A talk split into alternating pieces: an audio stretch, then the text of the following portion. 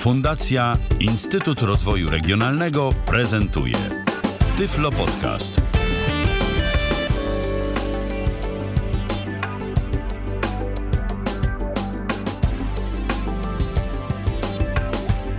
Minęła godzina 19 w kalendarzu, dziś wtorek, 6 dzień października roku 2015. Witam bardzo serdecznie wszystkich słuchaczy Tyfloradia. Z tej strony Michał Dziwisz, a z drugiej strony moi dzisiejsi goście Michał Kasperczak i Mikołaj Rotnicki. Witam was serdecznie. Dzień dobry. Dobry wieczór. O, jak ładnie. Jeden dzień dobry, drugi e, dobry wieczór. Dobry wieczór. W końcu nigdy nie wiadomo, o której ktoś nas będzie później słuchał. A dziś będzie historia m, mm, taka bardziej wspominkowa na naszej antenie, bo dziś będziemy sobie wspominać y, Windowsy. Mówić będziemy o systemach Windows. Y, to tak przy okazji tego, że właśnie w tym roku mija dwudziestolecie od premiery systemu, systemu Windows 95, który to system, no nie da się ukryć, zrewolucjonizował sposób używania komputerów osobistych przez użytkowników zarówno domowych, ale także myślę, że i tych, którzy te liczące inteligentne maszyny wykorzystywali i wykorzystują zresztą nadal także w sposób zawodowy. Dziś sobie porozmawiamy o tym. Oczywiście Tyfloradio nie byłoby Tyfloradiem, gdybyśmy nie mówili o tym wszystkim z perspektywy użytkowników niewidomych i słabowidzących, o naszych e, przygodach z tymi systemami, o tym jak to wszystko wyglądało drzewiej, a jak wygląda teraz i o tym będziemy właśnie dziś mówić na naszej antenie. Jeżeli ktoś będzie chciał się z nami swoimi wspomnieniami komputerowymi podzielić, e, to oczywiście nic nie stoi na przeszkodzie, e, żeby to uczynić. 123 834 835 to jest nasz e, numer telefonu, a nasz skype'owy login to tyflopodcast.net. Jeszcze w tym momencie nie jest to wszystko dostępne, ale za moment przystąpię do procedury uruchamiania tej całej naszej maszynerii, więc będzie już za jakiś czas można się do nas dodzwonić. E, Mikołaju, e, ty jak już tak e, przygotowując się do tej naszej dzisiejszej audycji, wiemy Windowsów próbowałeś wcześniej od Michała, więc może ja bym ciebie najpierw poprosił, żebyś nieco powiedział na temat tego, jak to wyglądały te wcześniejsze Windowsy. Tak naprawdę możemy zacząć chyba od Windowsa 3.11, tak? Bo to był pierwszy system, z którym się zetknąłeś. Tak, Windows 3.11 to był pierwszy Windows, z którym się zetknąłem. To jeszcze wtedy było zawsze takie podejście, że to była nakładka taka graficzna na system DOS, bo tak, napra tak naprawdę w tych czasach, powiedzmy początek lat 90., czyli przed tym rokiem 1995, e, jednak królował wszechobecny DOS, z angielskiego Disk Operation System. E, prekursor, można powiedzieć, Windowsa, ta taka podstawa, która gdzieś tam siedziała później pod tymi pierwszymi wersjami Windowsa. No i Windows 3.11 no, powstał jako, to już oczywiście była kolejna wersja w ogóle Windowsów, tak, ale 3.11 był taką wersją, która już była taka no, znośna chyba w użytkowaniu. Z drugiej strony, ja też pamiętam, że to tam miałem chyba też kilkanaście lat Mm, to też były takie pierwsze doświadczenia, że tak powiem, z przejściem dosyć takim ciekawym, bo człowiek był przyzwyczajony jednak do tego mm, interfejsu, jaki był w DOSie, tego z jednej strony klepania komend e, z palca, jak to się mówi, na klawiaturze. Z drugiej strony gdzieś tam jeszcze były takie menedżery plików jak Norton Commander, to były takie Coś, co nam troszeczkę tego DOSa ugra ugraficzniało. Takie panele y, się wyświetlały, ale to wszystko było malowane, że tak powiem, tekstem, tylko, tylko po to, żeby to graficznie jakoś wyglądało. No i, i tak na marginesie właśnie mm, wtedy już się powoli zaczynało używać czasami tego Windowsa, tak? Ale głównie ze względu na to, że mm, to było jakieś takie właśnie nowe środowisko graficzne, tak? Jakieś okna, jakieś ikony, w coś można w ogóle było kliknąć, tak? Czyli tutaj było wykorzystanie też kursora myszy. To oczywiście tutaj cały czas mówię z perspektywy osoby widzącej, słabowidzącej. E, natomiast no, to jeszcze nie było, że tak powiem, takie używanie, że to się po prostu uruchamiało i się po prostu domyślnie z tego korzystało. Zawsze jednak ten DOS był tą podstawą, a tego Windowsa się właściwie uruchamiało wtedy, kiedy się chciało coś powiedzmy więcej, jakiś ewentualnie tam edytor y, tekstu, czy chciało się ewentualnie coś porysować y, za pomocą kursora myszy. I to było właściwie tyle. To jeszcze też trzeba pamiętać, to były czasy jeszcze przynajmniej nie internetu pod, pod strzechami. Tak? Ten internet gdzieś tam pewnie był na uczelniach, czy gdzieś dopiero raczkował, ale jednak pamiętam y, te czasy jeszcze tego Windowsa 3.11, to było w ogóle tak, że on się chyba mieścił na siedmiu albo sześciu dyskietkach i ten proces instalacji to tam mówię trwał, trwał chyba z, z kilka godzin czasami, bo trzeba było tymi dyskietkami żonglować i potem w końcu się ten system wiadomo jakoś instalował i tak naprawdę to zawsze była, to zawsze była nakładka na DOSa. Tak, i oczywiście, ten, ten, i oczywiście ten Windows y, nie posiadał, y, to jeszcze od razu dodajmy, y, żadnego oprogramowania odczytu ekranu wbudowanego w siebie, bo to taka ciekawostka, bo to sprawdziłem, bo sam już nie pamiętałem dokładnie. Narrator w Windowsach pojawił się dopiero od Windowsa 2000, więc dla osób niewidomych wtedy to były tylko i wyłącznie jakieś oprogramowania zewnętrzne, gdzie pod Windowsem 3.11 no, było z tym krucho przy Windowsie Windowsie 95 już było lepiej w tej sytuacji, ale zapytam Mikołaju, y, za, za chwileczkę Michale oddam Ci głos, bo miałeś jakieś pytanie, ale jeszcze od razu zapytam, jak to było z kwestiami dla osób słabowidzących? Czy ta 3.11 y, to w ogóle dawała Ci coś jako osobie słabowidzącej? Jakieś takie systemowe udogodnienia, które teraz mają Windowsy, typu nie wiem, jakaś lupa i tak dalej, czy to w ogóle przyszło później? To znaczy paradoksalnie powiem, że to dawało dosyć sporo. Dlaczego? Dlatego, że to były czasy, kiedy monitory i komputery, one nie pracowały jeszcze w tych takich bardzo wysokich rozdzielczościach. To znaczy, chodzi mi tutaj o taką kwestię, że obecnie, no teraz mówimy o rozdzielczości Full HD, już powoli wchodzi rozdzielczość 4K, czyli ta liczba tych pikseli na ekranie się cały czas zwiększa. Co to powoduje? Kiedyś w tamtych czasach to były tam, mówię, rozdzielczości rzędu tam yy, powiedzmy 640 na 480, czyli rozdzielczość VGA, to już było naprawdę dużo. Ale co to rodziło ze sobą z, perspektywy osoby słabowidzącej? Po prostu wtedy, mimo tej tak zwanych gdzieś tam pikseli widocznych przy krawędziach jakichś rozmaitych kształtów, to wszystko, ten interfejs sam w sobie domyślnie był duży. Tak? Czyli nie trzeba było zasadniczo jakiś radykalnie programów y, powiększających za dużo używać tutaj, no zresztą takich nie było, ale nie trzeba było, bo to wszystko było po prostu względnie duże, tak? No oczywiście nie używało się może jakichś wielkich monitorów, no ale z czasem, potem przy kolejnych wersjach y, Windowsa te rozdzielczości też szły w górę, a co za tym idzie, wszelkiego rodzaju literki, y, ikonki, to wszystko się mimo wszystko zmniejszało i tak paradoksalnie dlatego ja jestem zawsze z perspektywy osoby słabowidzącej zwolennikiem, aby używam po prostu, można by powiedzieć, niższych rozdzielczości niż te mm, do, dostępne, ze względu na to, że wszystko po prostu jest większe. Więc tak można było że, powiedzieć, że to była taka w cudzysłowie taka naturalna dostępność y, jeszcze wtedy. Tak? Nie trzeba było właśnie tych programów powiększających, których zresztą nie było, używać. Ja chciałem zapytać, jak taki Windows w ogóle wyglądał? To znaczy, pamiętasz, bo no jakby z jednej strony powiedzieliśmy, powiedziałeś o tym, że y, używało się tego Windowsa tak trochę dodatkowo jako takie rozszerzenie DOSa w sensie, no zresztą sam to pamiętam, w sensie, y, że chcemy zrobić coś więcej. Z drugiej strony znam osoby już wtedy, które zaczęły komputer gdzieś tam, y, komputera się uczyć i szybko y, DOSa tak ominęły szerokim łukiem to, co tam ewentualnie musiały, a tak naprawdę miały już w autostarcie, w konfigu, w autoegzekucji execu y, komendy uruchamiające y, Windowsa i pracowały tylko i wyłącznie y, na Windowsie, bo można było wtedy operować tam i na plikach i mieć któregoś tam, to był chyba Word 4.0 wtedy, 2.0 i 4.0, Worda, Excela i tak dalej, i tak dalej. Ja chciałem zapytać, jak uruchamiałeś taki Windows i jak on wyglądał? Co, co było na ekranie?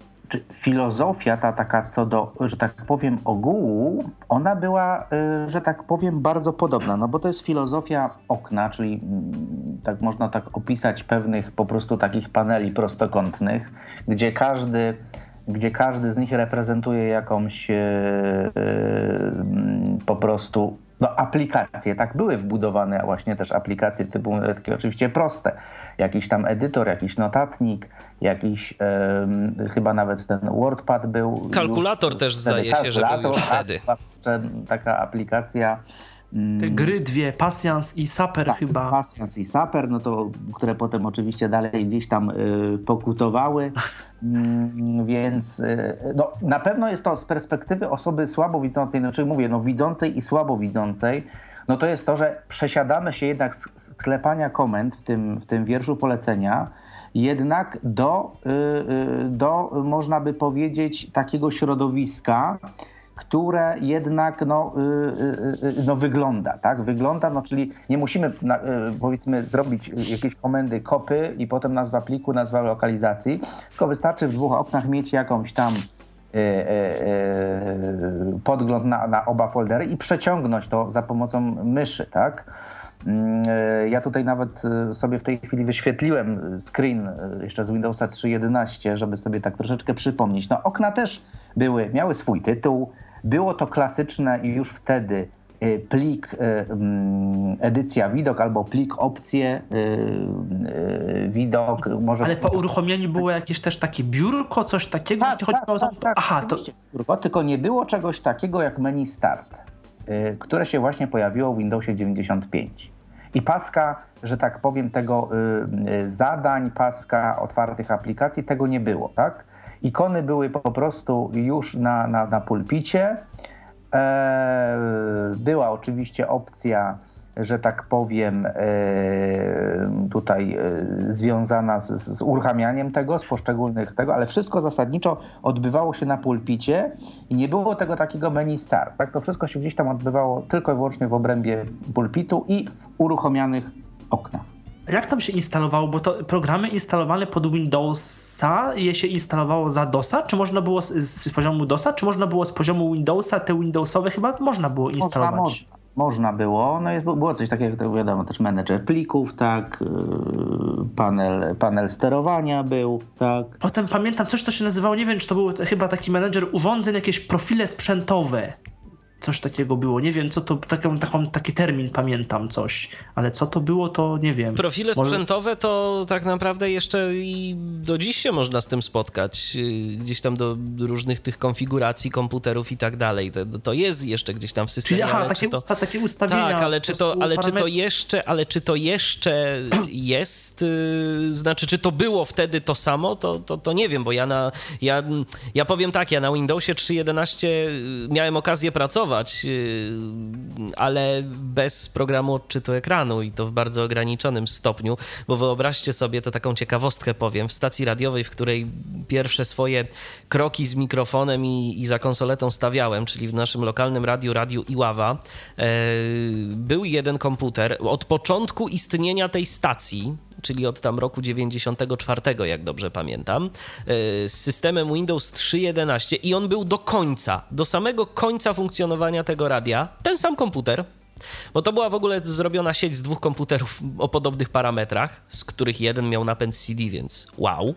Yy, I ten komputer służył tylko i wyłącznie do tego, żeby odgrywać z tego dźwięki. To było po prostu, więc tam nie było potrzebnego nic więcej, ale i tak raz na dzień mniej więcej ten komputer trzeba było przerestartować, bo, bo ten system tak działał. No ale on nie był reinstalowany chyba przez ileś tam lat. Yy, więc podejrzewam, że to dlatego ileś, dlatego on tak działał, jak działał, ale no tak było, tak, tak kiedyś się używało tych komputerów do pewnych tylko wyspecjalizowanych zadań niekiedy, ale tam pamiętam był właśnie Windows 3.11 i się jeszcze z DOSa wchodziło, bo najpierw był DOS, a później trzeba było zdaje się wpisać Win i dopiero tak, się odpalał tak. i dopiero Windows się odpalał tak, Windows. Windows. E, jeszcze tylko tak powiem, bo tutaj tak właśnie sobie przypomnieniowo uruchomiłem, e, że tak powiem, screenshoty z, z Windowsa 3.11. Takie domyślne aplikacje były w takim, nazwijmy to w folderze akcesoria. Ja to zawsze też pamiętam, to się nazywało akcesoria. No i tam były takie aplikacje jak, e, jak Write, e, taki edytor tekstu jak Paintbrush, terminal, gdzie dało się tutaj łączyć ewentualnie modemy telefoniczne, te sprawy. Notepad, zegar, mm, jakiś kalkulator, tak.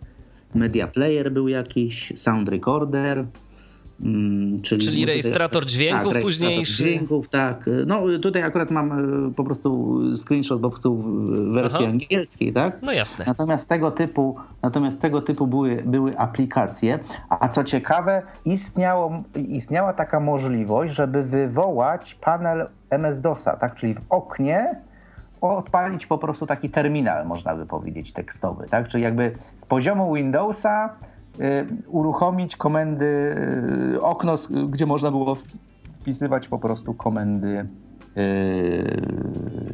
DOSowe. Tak, co później zresztą także było jeszcze w kolejnych wersjach Windows yy, i to się nazywało tryb MS-DOS, bo można było to uruchomić, a można było także sobie do tego przejść, zrestartować komputer i uruchomić to w DOSie. Tak, no i w Polsce właściwie nikt niewidomy, tyle co ja przynajmniej wiem, Windowsa 3.11 nie obsługiwał. Na świecie wiem, że takie programy były, ale one E, się nie przyjęły, dlatego że one nie pracowały z żadną z polskich syntez. Ja nie wiem, czy to one działały już z syntezami programowymi i dlatego po prostu nie współ... Chyba o to chodziło, no bo sprzętowo, gdyby działały z Apollem, no to by pewnie były. Chociaż nie wiem, czy czy ja coś mylę? Czy przypadkiem Outspoken potem, który jakby pojawił się w Polsce w dobie Windowsa 95 już, czy on jeszcze nie działał z 3.11, czy ja coś mylę? Mi się wydaje, że on miał kompatybilność wsteczną, ale y, tu tak jak no mówię, to, to, jest, y, to jest tylko taka dywagacja, bo ja no niestety ja się nie załapałem na y, używanie takie praktyczne Windowsa 3.11, ale może ty Mikołaju coś pamiętasz, jeżeli chodzi o te technologie asystujące, coś wtedy było? Y, powiem tak, nie bardzo kojarzę. Po prostu nie bardzo y, kojarzę. Wtedy to jeszcze były czasy, że no, ja owszem też byłem osobą dosyć słabo widzącą, ale ten wzrok jeszcze był trochę lepszy. Tak jak powiedziałem, to wszystko w ogóle było też większe. Inne rozdzielczości były niższe, z tego powodu były też bardziej czytelny tekst, więc ja jeszcze wtedy to były takie czasy, że nie odczuwałem tak y, potrzeby mm, korzystania z technologii asystujących wtedy. Rozumiem. Y, Michale, to teraz ja do ciebie przejdę i zapytam o y, to, jak to było z twoją przesiadką z DOSa na Windowsa. Za moment przejdziemy sobie do Windowsa 95, ale myślę, że ten y, system, którego no, z tego co wiem, to ani ty, ani ja nie mieliśmy okazji sobie potestować tak w większym wymiarze, no to był taki moment, w którym część niewidomych się jednak na tę przesiadkę decydowała. U ciebie to było troszeczkę później. Y, u mnie, u mnie też. Y, to znaczy, ja myślę, że tak, że to zanim, zanim przejdę do mm, opisu swojej. Przepraszam. przepraszam bardzo.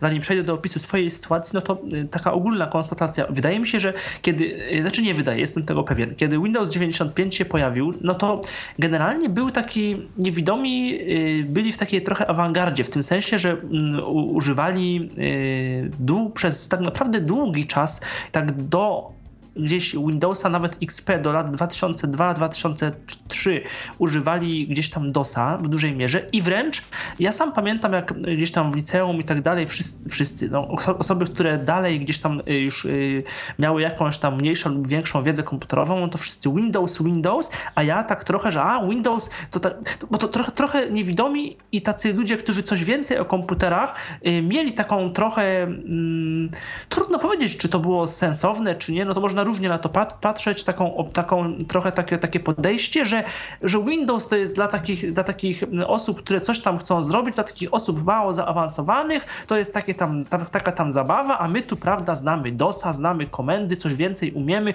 i nie, tak trochę jak Linuxowcy i nie potrzebujemy żadnych tutaj Windowsów no, czas zweryfikował i jakby no te y, Linux y, stał się coraz, y, ta praca z Linuxem to stała się coraz bardziej hermetyczna, a te Windowsy wszędzie się objawiły, ale wtedy w latach 90. to jeszcze aż takie nie było oczywiste i ludzie, no, no właśnie nie wiem, czy, bo, bo, posłuchamy prawdopodobnie potem, bo miał być z nami też Krzysztof Wostal, który pracował w systemie Windows i w systemie DOS. Tak, jego wypowiedź mamy i, i Krzysztof do nas przemówi za czas jakiś. I ja nie, on wspominał, że yy, mimo, że on wtedy trochę jeszcze widział i mógł tego Windowsa używać, to kupił w 96 roku sobie DOSa.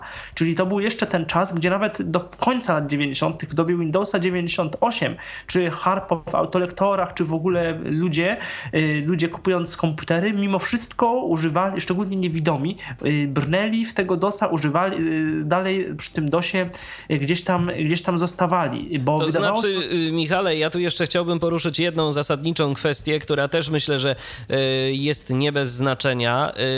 Y, ekranu? Nie, zaraz. Nie, nie, nawet nie dla osób niewidomych, ale w ogóle. Dlaczego ludzie jeszcze dość długo zostawali przy DOSie.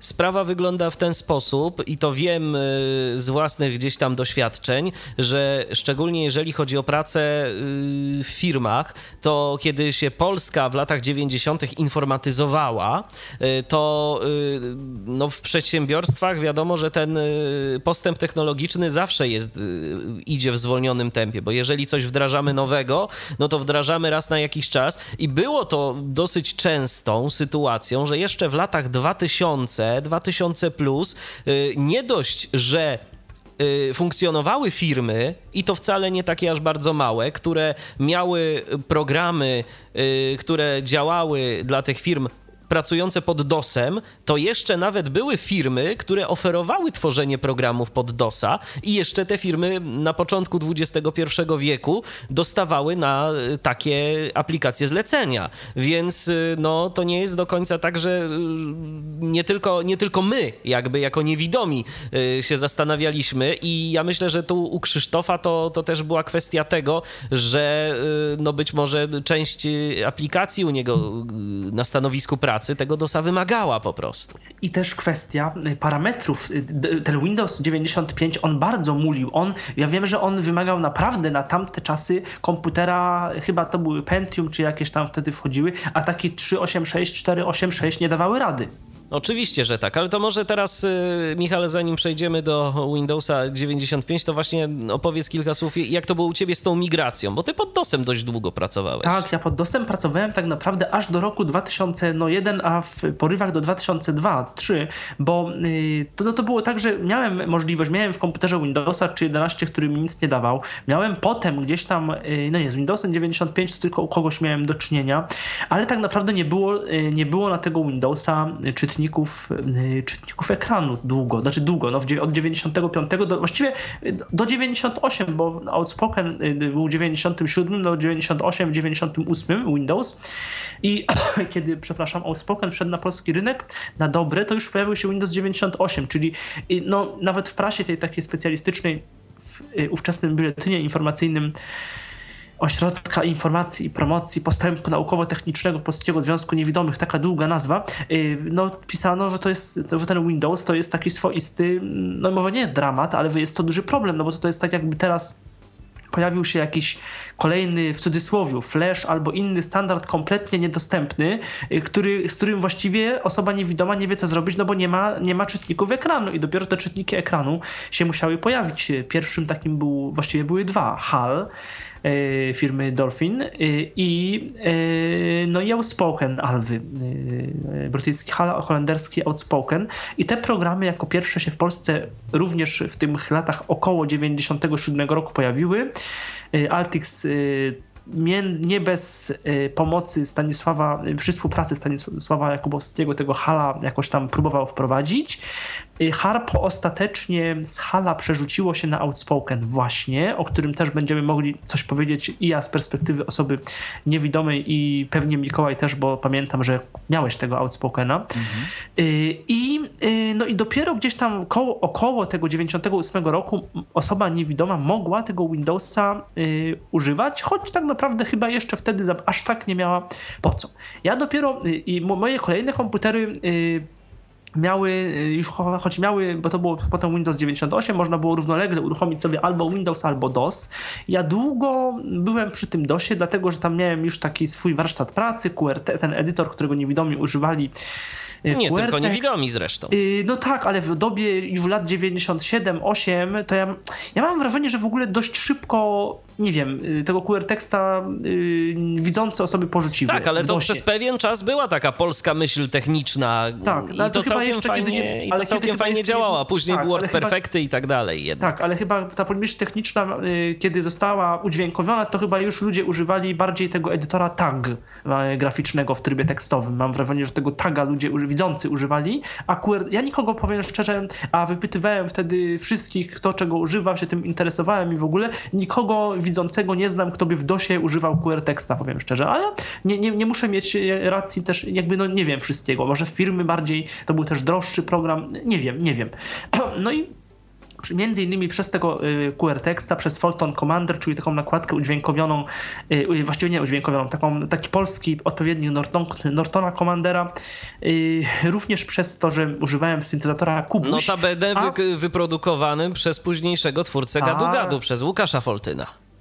Tak, i przepraszam, i co ciekawe, yy, no, ja, ja, bym pewnie tego Windowsa nawet może i używał yy, bardziej, ale yy, Outspoken, który miałem, okazało się, że, że Harpo tutaj promowało go z Syntokiem, który wówczas, o, o, ile czytał wszystko jakoś tam dla osoby słabowidzącej mógł być ok, o tyle do takiej pracy bardziej, że tak powiem, nawigowalnej, do nawigacji w dwie strony, do pauzowania mowy i tak dalej, tam były po prostu bardzo duże problemy z tym, y, y, może nie bardzo, były duże problemy z tym syntokiem, a jeszcze większe problemy były z Kubusiem. I ja tak naprawdę tego Outspokena nie miałem z czym używać, bo ja no, z Apollem miałby, miałbym lepiej, ale że Kubuś był dwa razy tańszy, to ja kupiłem Kubusia, a nie Apollo w 95 roku, no i jest stąd, a Harpo tak naprawdę potem z tym, jak dobrze zaczęli z tym przejęciem kamienianowskiego projektu i w ogóle z produkcją Kubusia, tak z, z tą syntezą potem było coraz więcej problemów i oni tak naprawdę nigdy ani nie udostępnili dobrej dokumentacji do, do, do tego Kubusia, a też to, to, co było tam, ta kopia sterownika do Apolla i tak dalej, to tam było sporo problemów i ten, i ten Kubuś do Outspokena został wdrożony niejako na siłę. No i tak trochę nie miałem, aha, bo to jeszcze też była kwestia, że tego Syntoka po prostu chyba, on kosztował dużo, wtedy jeszcze nie było Homera, on kosztował chyba, nie wiem, czy z 500 zł, czy ileś, czy jeszcze więcej, czy trochę mniej, ale wiem, że to były czasy, kiedy nie, nie mogłem sobie tak wydać 500 tam, czy iluś złotych po prostu i no dopiero y, ja wiem, że w 99, tak jeszcze historycznie powiem roku, kiedy był pierwszy taki mocny program komputer dla Homera, gdzie większość y, tych osób, no, nie wiem czy większość, ale sporo osób niewidomych, które tutaj y, są gośćmi Tyflo podcastu, pokupowało swoje z dofinansowań swoje komputery, swoje, jakieś tam swoje stanowiska pracy i nauki, no to sporo ludzi już poszło w te Windowsy, pokupowało JOSa, Windowsa, coś tam Outspokena. Ja wtedy kupiłem... Yy, 99 chyba... rok to jeszcze był rok Hala, yy, jeżeli Oj, chodzi tak, o, o tak, promocję oczywiście. tego przez tak. Altix. Wiem, bo sam się na to naciąłem. Ale... No, naciąłem, nie naciąłem, ja bym tego tak na tamten czas nie negował, ale to o tym sobie możemy później też porozmawiać. Yy, I wówczas, no ja na przykład nie wiem, dlaczego nie kupiłem y, Syntoka. Tak też się zastanawiam, bo w sumie tak logicznie wybiorąc powinienem kupić Syntoka, no i przejść na Windowsa. A jakoś chyba, te, chyba chciałem przy tym Kubuś po prostu zostać. Nie wiem, widocznie nie byłem, nie przekonali mnie. Y, y, firma Harpo chyba widocznie mnie nie przekonała, bo ani, wiem, że testowałem kiedyś Outspokena, mi się średnio podobał. Hal mi się podobał bardziej, bo on jednak dla niewidomego mam wrażenie więcej czytał mimo wszystko ale dlaczego ja nie kupiłem hala? Czy to były kwestie tylko finansowe, po prostu jakieś, bo to wtedy tam jeszcze trzeba było mieć i żyrantów, i, wie, i wie, dużo więcej płacić i w ogóle nie wiem. Trudno mi powiedzieć, dlaczego nie zrobiłem tego, co wszyscy prawie, no wszyscy, nie mam danych, ale tak jak yy, rozmawiałem, co wszyscy, że kupowali właśnie autolektory, outspokeny i Syntoka. Nie kupiłem niczego z tego i nie wiem dlaczego. No i tak to naprawdę byłem zmuszony potem w 2002, kiedy już te Windowsy 98, tam jeszcze był ten taki w miarę y, niezależny DOS, którego można było uruchomić, ale potem chyba już Kubuś mi się popsuł, y, tam były problemy z naprawą, no i byłem, byłem zmuszony przejść na Windowsa.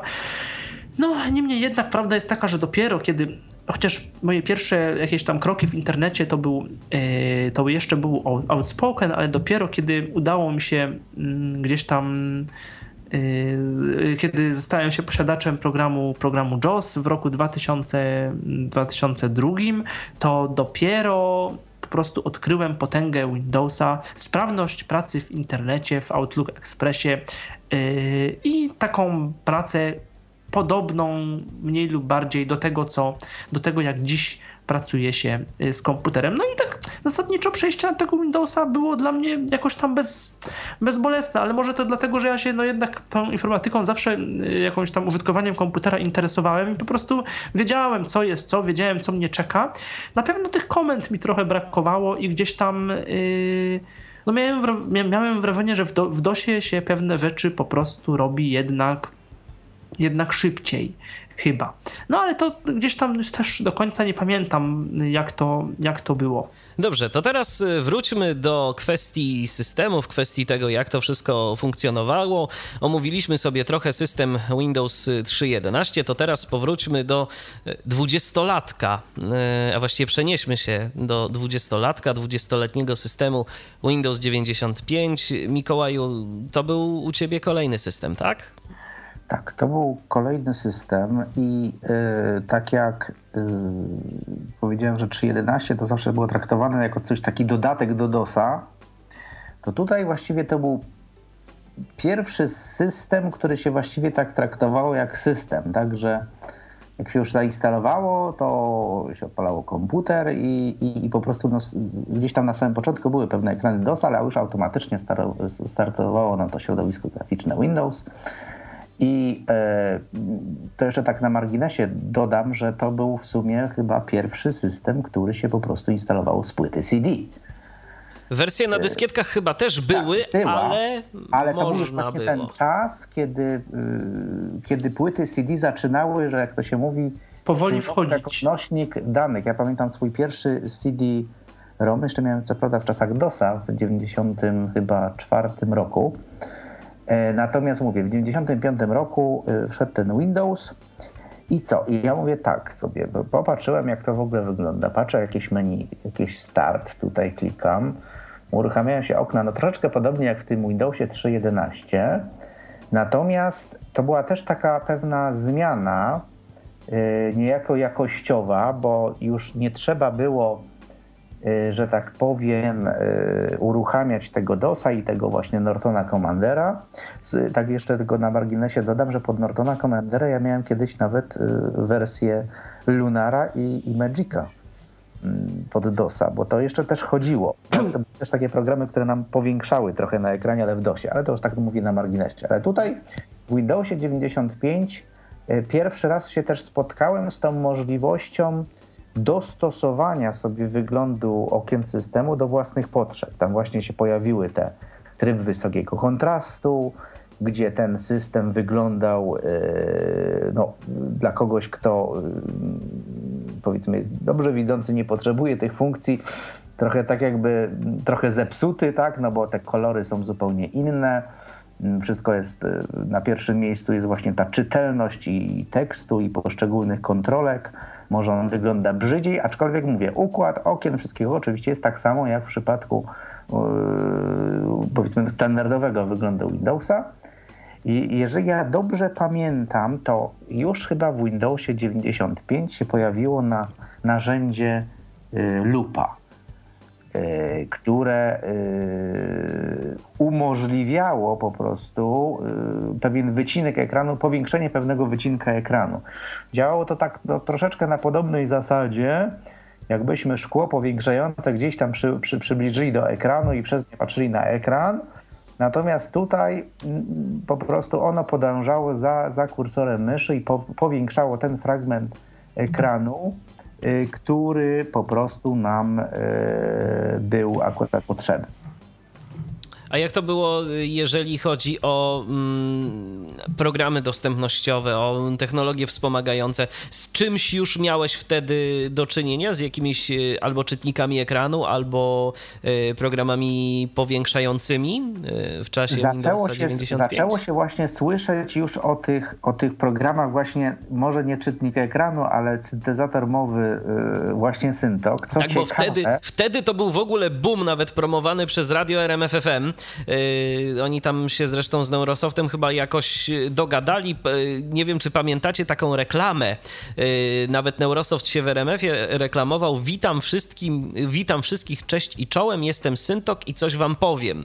Yy, takie hasełko reklamowe było wtedy. Tak, z jednej strony takie coś było, a z drugiej strony ta promocja też się również odbyła drugim torem. Mianowicie to też były czasy, mm, kiedy jakby komputery stawały się bardziej multimedialne. O co mi bardziej chodzi? Ja też pamiętam swój pierwszy komputer. On nie miał karty y, dźwiękowej, bo to cięło się na wszystkim, na czym się dało. Tak? Tam był jeszcze wbudowany PC speaker tak zwany, czyli pewien generator dźwięku w oparciu na płycie głównej. Ja dopiero chyba y, właśnie na końcówce DOSa i początku Windowsa 95 wyposażyłem się w kartę dźwiękową. To oczywiście wszystko były rozmaite klony Sound Blastera, bo Sound Blaster jako taki produkt z wyższej półki to już tak więcej kosztował, ale y, pamiętam te czasy, kiedy do Sound Blastera był dodawany Syntok jako syntezator mowy. E, I to było bardziej tak trochę zabawkowo tak e, traktowane, oczywiście w przypadku osób no, widzących, tak, że a tu komputer może nam gadać, może nam przeczytać. Jakiś... Godzinę podać na przykład. Tak, godzinę podać, możemy wpisać tekst i on to odczyta. Więc to był z perspektywy osoby widzącej to był jednak taki trochę bajer. Natomiast y, ja już widziałem w tym jakiś potencjał, tak? Bo sobie mówię tak, to ja już może pewne rzeczy będę mógł mieć w przyszłości czytane jako taka bardziej perspektywa. Tak to bardziej traktowałem, tak? Natomiast jak wrócimy jeszcze właśnie do tej kwestii, czy i, jak tutaj wyposażyć się właśnie w jakiś y, odczyt ekranu, to właśnie też były y, rok potem już troszeczkę, chyba z dwa lata później, y, okolice Windowsa 98 albo tuż jeszcze przed 98 wyposażyłem się y, właśnie w Outspokena. E, to jeszcze był taki czas, bo to właśnie Harpo promowało. E, nawet mm, pamiętam, że cenowo, już teraz dokładnie nie pamiętam ile on w oryginale kosztował, ale też chyba 1500, na... 1500 chyba kosztował oryginalnie, ale była taka zniżka edukacyjna, nazwijmy tak. To znaczy dla y, y, osób uczących się, tak, można było to nabyć z jakąś tam bonifikatą. I pamiętam jeszcze do dzisiaj, ja nie wiem, czy gdzieś w jakiejś starej piwnicy gdzieś to yy, nie leży jeszcze, ale mówię trochę wątpię, ale pamiętam, że instrukcja obsługi do tego Outspokena to było takie duże pudło, w którym tak. było 8 kaset Kasety. magnetofonowych. Ale po angielsku. Tak, instrukcja była po angielsku, ale mówię, nagrana była na ośmiu kasetach magnetofonowych. To jeszcze tak się otwierało, jak taki wielki album i po jednej stronie był panel z, z, właśnie z tymi kasetami, a po drugiej stronie tego, te, tego, tego otwartej no, pseudoksiążki pustej w środku była tam miejsce na, na, na dyskietki z tak. instalacją, na instrukcję obsługi papierową i jeszcze kilka innych tam jakichś drobiazgów. Nie? I z tym Outspokenem było tak, że to był taki yy, screen reader, nazwijmy to, który miał też godzić sobie też osoby słabowidzące, bo y, dawało się tym po prostu sterować za pomocą klawiatury z jednej strony i y, y, biegał za tym też kursor, kursor myszy. A w drugą stronę też jak się kursorem myszy poruszało, to te niektóre opcje właśnie były czytane. Chociaż mówię, no podstawą było to obsługa jednak y, z poziomu klawiatury, tak? Więc dało się po prostu tutaj pewne elementy y, interfejsu tego graficznego, no bo jak powiedzieliśmy, ten interfejs graficzny był pewną nowością tutaj i stanowił nie lada wyzwanie dostępnościowe, no trzeba było to jakoś udźwiękowić, więc Outspoken był jednym z właśnie z, z, z takich propozycji, z których ja mm, korzystałem. I do czego wykorzystywałeś y, w 95 tego Outspokena? Y, traktowałeś go jako takiego pomocnika przy czytaniu dłuższych tekstów, czy po prostu y, czytałeś za jego pomocą ekran? W jakich przypadkach to by się przydawał? Właśnie jako taki pomocnik do odczytywania dłuższych tekstów. Czasami były sytuacje właśnie, kiedy już tak od 95 Windowsa właśnie yy, i potem 98 E, też równolegle gdzieś tam się e, zmieniało monitor, więc te rozdzielczości się, mówię, były po prostu większe, tak? I z tego powodu no, e, teksty na ekranie stawały się mniejsze, tak? Więc to się stawał trochę też taki problem dostępnościowy, żeby to było czytelne, dlatego, dlatego też tego Outspokena używałem sobie tak tylko troszeczkę jako taka pomoc tutaj w odczycie pewnych e, rzeczy, natomiast w większości przypadków to było głównie czytanie jakichś tam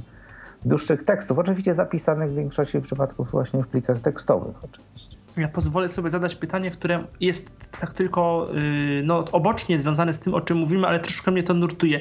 Y, po co, no bo mówimy, czy mówisz o tych rozdzielczościach, a właściwie po co te rozdzielczości są coraz większe? Co to daje, że więcej się wtedy mieści na monitorze? No bo wszyscy y, no, mówią, wow, chwalą się, że to, to jest no, super, no, jak no większa tak, rozdzielczość. Tak. To, o co, to o co w tym chodzi? Że to chodzi... jest tak, chodzi przede wszystkim o coś takiego, jakby to tak może przełożyć, przełożyć na, na, na, na język trochę może dotyku, jak mamy na przykład yy, yy, czy sześciopunkt brajlowski, tak, że tak powiem.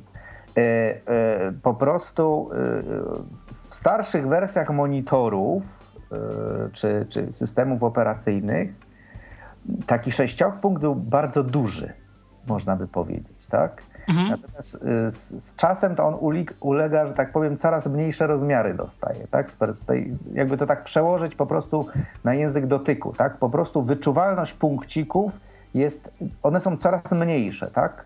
No i z perspektywy osoby widzącej właśnie te piksele tak zwane, one są też coraz mniejsze. Natomiast to wpływa na jedną podstawową rzecz – w tych starszych, wiadomo, y, czy pod DOSem, czy jeszcze w pierwszych wersjach Windowsa, i karty graficzne, i monitory wyświetlały no, stosunkowo nieduże rozdzielczości. Z tego, z tego też powodu yy, kształty typu na przykład okrąg, tak? to nigdy nie był w rzeczywistości idealnie koło, tylko to było takie y, ząb, można by powiedzieć, jakby, jakbyście wzięli ząbkowaną monetę, tak? Pięciozłotową, ona ma takie ząbki, tak wyczuwalne. Tak? Albo Więc Mikołaju, ja jeszcze mam takie jedno porównanie. Yy, mhm.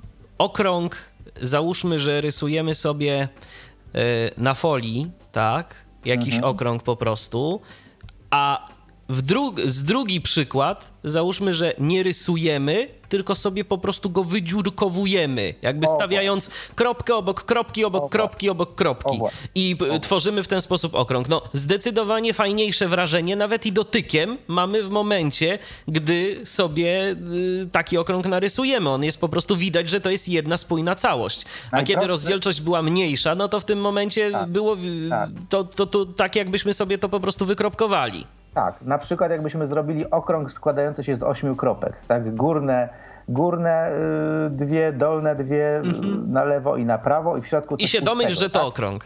I to jest chyba okrąg, tak? Natomiast okręgi dzisiaj to już po prostu jest bardzo malutko, bardzo dużo tych malutkich punkcików, tak? No ale z tego, z tego względu tak, owszem, dla osoby widzącej y, tekst się robi taki właśnie, już tych pikseli nie ma prawie że robi się taki, jak w rzeczywistości, nie wiem, wydrukowany na papierze. Po prostu nie widać tych e, pikseli. Ale co za tym idzie, on jest też mniejszy, no bo y, można powiedzieć, że ta, ta, ta wielkość tak zwana punktowa została prawie że niezmieniona. Także to, że zwiększamy tą y, rozdzielczość, sprawiamy, że więcej szczegółów jest widocznych na ekranie, tak, dla osoby widzącej Natomiast y, to sprawia, że teksty mimo wszystko y, nie były równolegle też powiększane z tą rozdzielczością. Tak? No i z tego powodu mogę powiedzieć tak, że kiedyś osobom słabowidzącym te e, e, ekrany w standardowych ustawieniach obsługiwało się jednak lepiej. A jak to było osoba słabowidząca, a DOS, tryb znakowy, to lepiej, gorzej niż ten Windows No tutaj właśnie były tak, standardowe tak wielkości tych czcionek, więc mm -hmm, no tak. Sobie, że tak Rozumiem. samo. E, on graficznie to wyświetlał, e, że tak powiem, prawie, że tak samo, niezależnie od, od, od tam yy, praktycznie trybu, bo to było też ileś znaków na ileś znaków, prawda? Tak. Tam 80 chyba na... Na 25. Na 25, nie? No więc właśnie. Yy, natomiast mówię, no kwestia jest taka, że jakby z, z czasem jakby tutaj ta, ta, kwestia tego zwiększania się rozdzielczości sprawia, że wszystko jest może dla widzącej osoby bardziej szczegółowe i tak dalej, no ale yy, teksty ulegają i literki w standardowej tej samej czcionce mimo wszystko zmniejszeniu.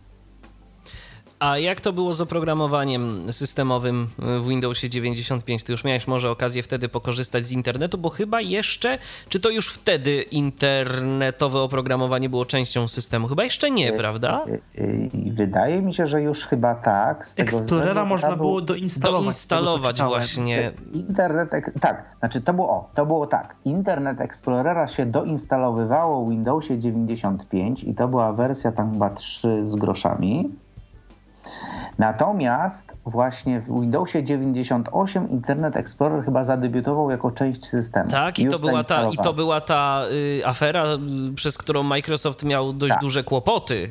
Y, tak. Gdzieś tam. Bo, wy, bo oskarżono go o, o mhm. wymuszanie, znaczy tak. o praktyki monopolistyczne użytkownika do instalowania tego, po prostu, że już tak, było to część systemu. Tak? Bo wtedy jeszcze, pamiętam jak były w Radiu Biz takie audycje o, o taka trochę nauka internetu i tam w Trójce również, y, to oni polecali Netscape Navigator jako przeglądarkę, tak bardziej, że to jest lepsze niż Explorer. Netscape był jednak lepszą przeglądarką w tamtych czasach, mimo że był przeglądarką, wyobraźcie sobie, płatną. On kosztował 20 chyba dolarów, jeżeli dobrze y, pamiętam. Tak, a potem jeszcze się pojawiła polska wersja, Sylaba Komunikator. Nie tak, wiem, czy pamiętacie. Się, to, była, to była związana tutaj po, po części tutaj nawet z Poznaniem. Yy, taka kwestia, bo, bo, pojawił się taki operator, to już tak dygresja oczywiście, operator internetu takiego wydzwanianego, jak to się mówi, czyli gdzie się dzwoniło na konkretny numer.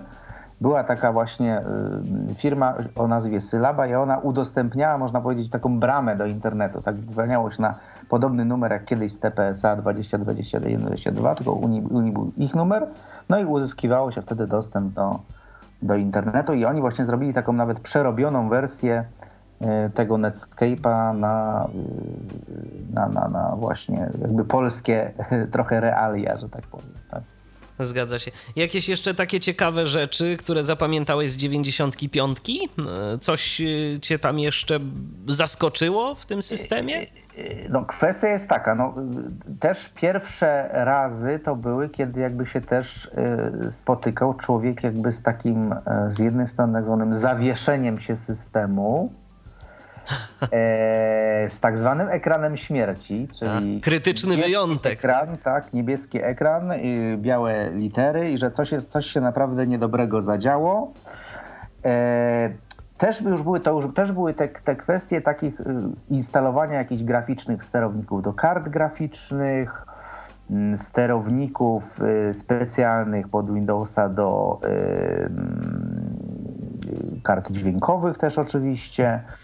To były te, te czasy. Pamiętam taką kwestię też, że to był jeszcze ten czas, kiedy pod Windowsa się też uruchamiało gry DOSowe, tak, które chodziły pod, y, pod y, Windowsem y, i odpalały się je z Windowsa, ale tak naprawdę były grami robionymi pod DOSa. I tak jak już teraz nie pamiętam, czy teraz jest jakiś w ogóle jakikolwiek odpowiednik tego, ale gry y, wymagały takich jakichś tam specyficznych konfiguracji, specyficznych takich bibliotek swego rodzaju i to się nazywało tak zwane DOS 4GW. To była taka mm, jakby funkcjonalność, zestaw bibliotek, który, z których właśnie korzystały te, y, korzystały te yy, gry najczęściej, tak?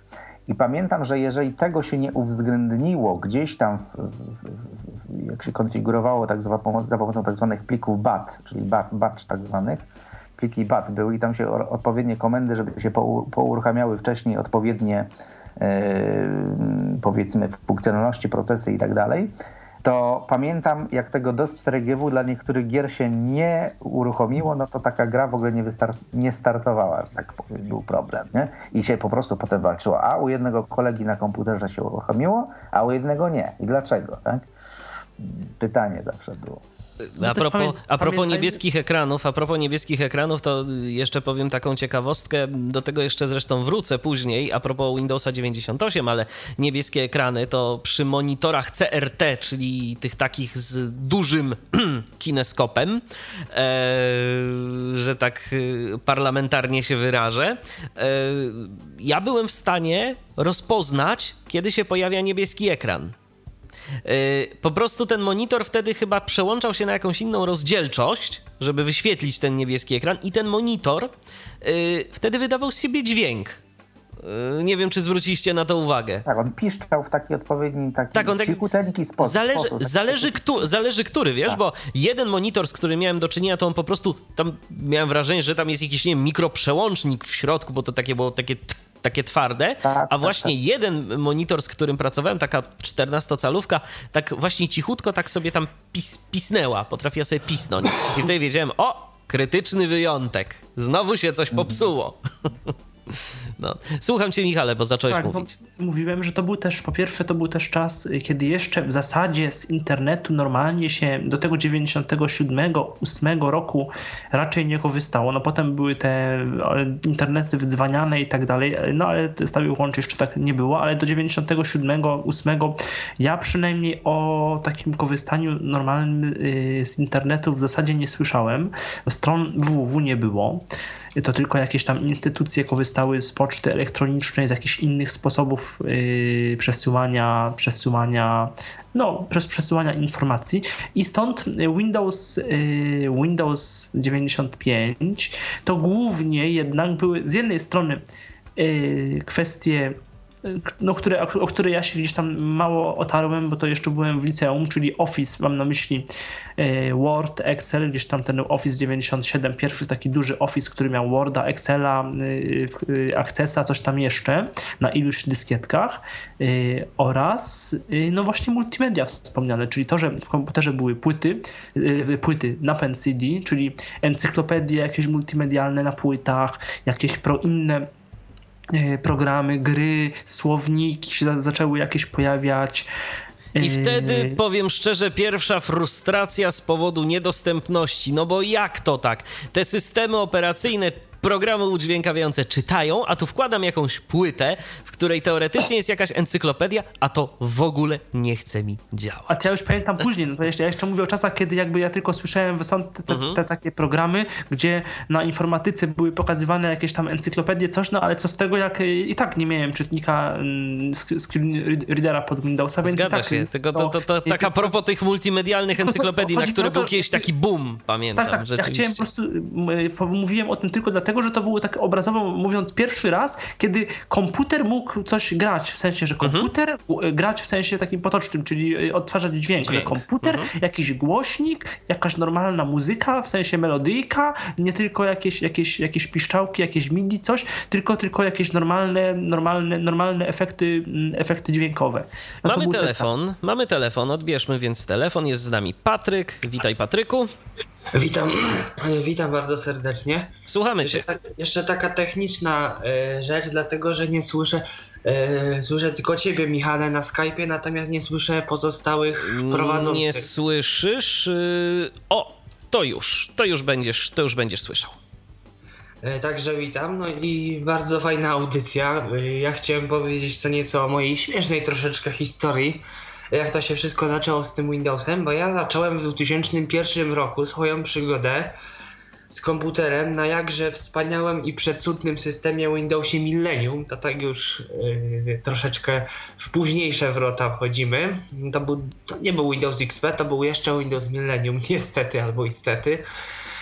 Y, no i tam miałem program Outspoken, y, program odczytu ekranu, który to, z którym to miałem no, bardzo ciekawą zabawę, bo ten program miał naprawdę bardzo ciekawe y, niektóre rzeczy, śmiesznie niektóre rzeczy nazywał, na przykład zawsze miałem ubaw, kiedy coś robiłem i tu słyszałem nagle głębokość, nie czekajcie, jak to było?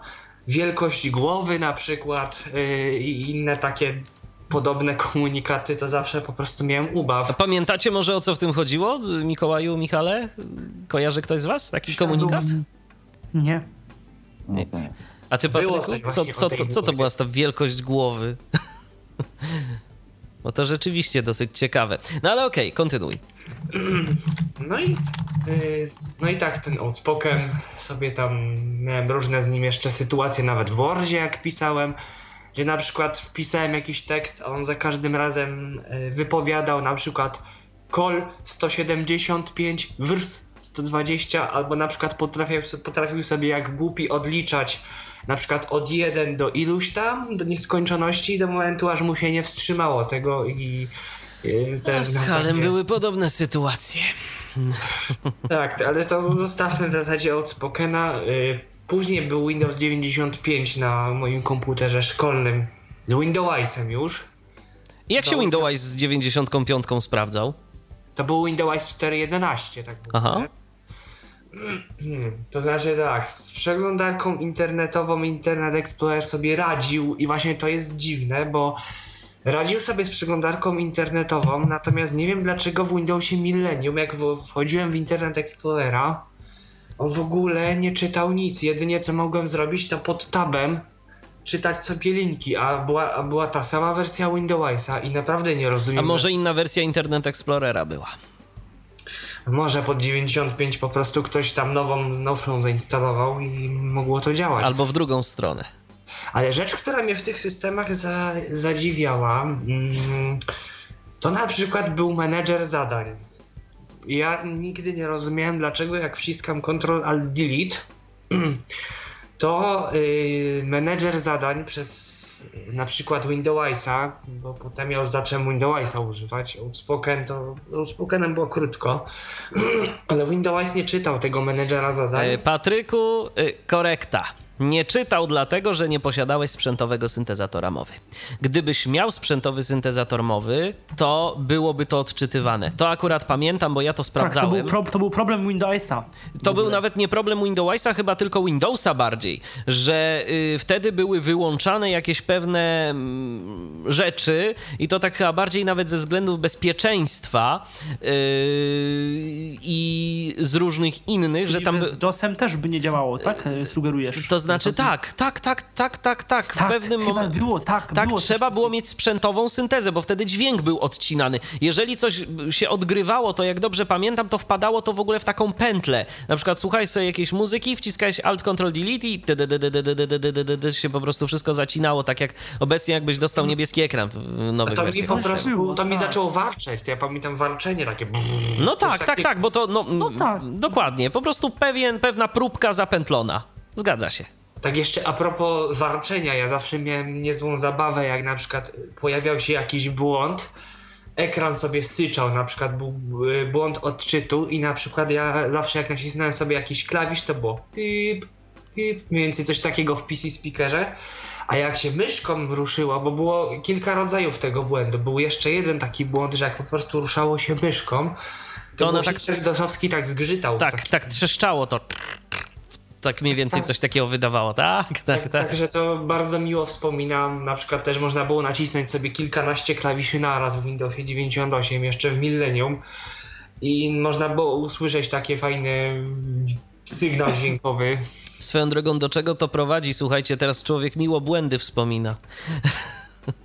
Ale, wte, ale wtedy trzeba przyznać, że te w ogóle komunikaty, nie wiem czy pamiętacie, ale dla człowieka, który y, wtedy był tak jakoś no, niezbyt zaznajomiony, to te komunikaty błędów systemu to były naprawdę momentami przerażające. Jakiś błąd ochrony, y, krytyczny wyjątek, jakieś ja tam przepełnienie czegoś. Takie, do, takie dość. y, Ja nie słyszałem treści tych błędów właśnie. Nie no, że- mi to zawsze ktoś czytał i to w sumie tak y, się zastanawialiśmy czasem, jaka ochrona, co tam... Albo jakby się cały komputer popsuł, nie, nie Dokładnie, dokładnie, to, to było tak, albo, albo jakieś tam, nie, no już teraz nie pamiętam wie, więcej tych komunikatów, ale wiem, że one takie były dość, y, y, takie dość Niewesołe. dramatyczne w swoim y, wybrzmieniu, Najczęściej szczerze. niestety miałem błąd odczytu, bo czasami mi się zdarzyło po prostu płytkę wyjąć, kiedy czegoś nie zamknąłem, albo mi się wydawało, że zamknąłem. A okazuje się, że wcale tego nie zamknąłem i potem miałem błąd odczytu. Mówię, dlaczego? Ja wszystko, przecież ja wszystko wyłączyłem, a mam błąd odczytu i to, to był taki błąd, że tam escape'em go wystarczyło chyba potraktować i ten ekran wracał do, do takiej normalności i się wszystko przełączało. Zgadza się. Dobrze, Patryku, to bardzo Ci dziękujemy za garść wspomnień. Rzeczywiście faj, fajnie, że, fajnie, że zadzwoniłeś i że się Windows- podzieliłeś. Albo jeszcze Aha. Windowsowy błąd, pamiętam. Mm, taki jak, nie wiem skąd on się brał. No bo tylko w tych starszych Windowsach nieznany spowodował wystąpienie błędów nieznany i nastąpi zamknięcie pro programu nieznany. Jeszcze Super. Tak, tak. Bardzo ciekawy komunikat. Dobrze, Patryku, dziękujemy za telefon. Pozdrawiamy, trzymaj się. Yy, czy coś jeszcze, słuchajcie, a propos Windowsa 95 yy, byście chcieli dodać? Jakieś wspomnienia? I Wspomnienia może, może nie, ale to jedynie, że to był taki pierwszy system, który, w którym pojawiły się te elementy, które są właściwie w Windowsach do dzisiaj, czyli to, co mówiliśmy, ten menu start, to menu start, pasek zadań, długie nazwy plików, yy, No właśnie, to mi się, no? no właśnie. To mi się nasuwa. Pod DOSem były tylko 8, 8 tego plus 3 i koniec. Tak, i pamiętam jak pod DOSem się chodziło i było na przykład, nie moje do jeden, tak? To były moje dokumenty. Na przykład. Ale jakoś przez to się bardziej pamiętało te nazwy plików, jakoś tak, no DOS to było zupełnie inna, inna filozofia, której jak ktoś tego nie używał, to, to trudno jest y, komuś zrozumieć, a tym bardziej komuś, yy, kto tak jak my nie używał tego tak z syntezą, gdzie się jednak operowało na pamięciówce, na takim, na takim sczytywaniu, klepaniu wtedy komend i, i, i, i pisaniu nazw plików, gdzie nie można się było pomylić. No ale wiesz Michał, w tym momencie, gdybyśmy chcieli robić audycję z DOSa, yy, to, to ja bym bym potrzebował. Yy Czekaj, ilu komputerów? Jeden na to, żeby wysłać program, żeby wysłać audycję, drugi komputer na to, żeby rozmawiać z wami, trzeci komputer na to, żeby odbierać połączenia od słuchaczy yy, przez telefon, yy, czwarty komputer, yy, czy piąty już nawet, na to, żeby odbierać jeszcze słuchaczy na Skype'ie, jeżeli by w ogóle Skype był. Także, był. także w tym momencie musiałbym tu być otoczony sprzętem rodem z jakiejś, nie wiem, stacji kosmicznej po prostu. Y, I rzeczywiście, bo pamiętajmy o jednym, to młodsze pokolenie może sobie z tego sprawy nie zdawać, ale DOS był jednozadaniowy. To taki jeszcze w trend. I to w ogóle była rewolucja, jaką przyniosły Windowsy, że można było sobie w końcu odpalić jeden program, zrzucić go gdzieś tam powiedzmy i odpalić sobie drugi program. I można się było między tymi programami przełączać. Mm, o właśnie, to jest. Dokładnie, właściwie rzecz. przełączać nawet. Okej, okay. to teraz a propos wspomnień, to proponuję, żebyśmy mm, posłuchali właśnie Krzysztofa Wostala, który miał w dzisiejszej audycji z nami tu pojawić się na żywo. Będzie z taśmy.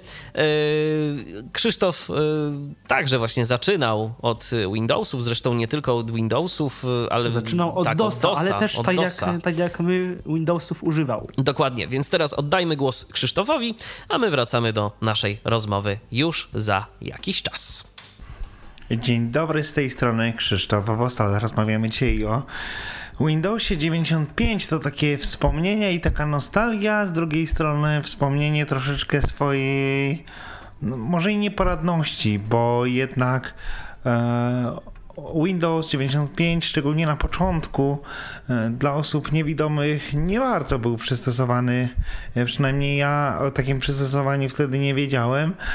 E, i mm, trzeba było się przesiąść, no, albo, albo może nie tyle trzeba było, co y, aby y, być z duchem czasu, aby y, brnąć dalej do przodu, przejść dalej do przodu, trzeba było systemu operacyjnego DOS przesiąść się na Windows 95.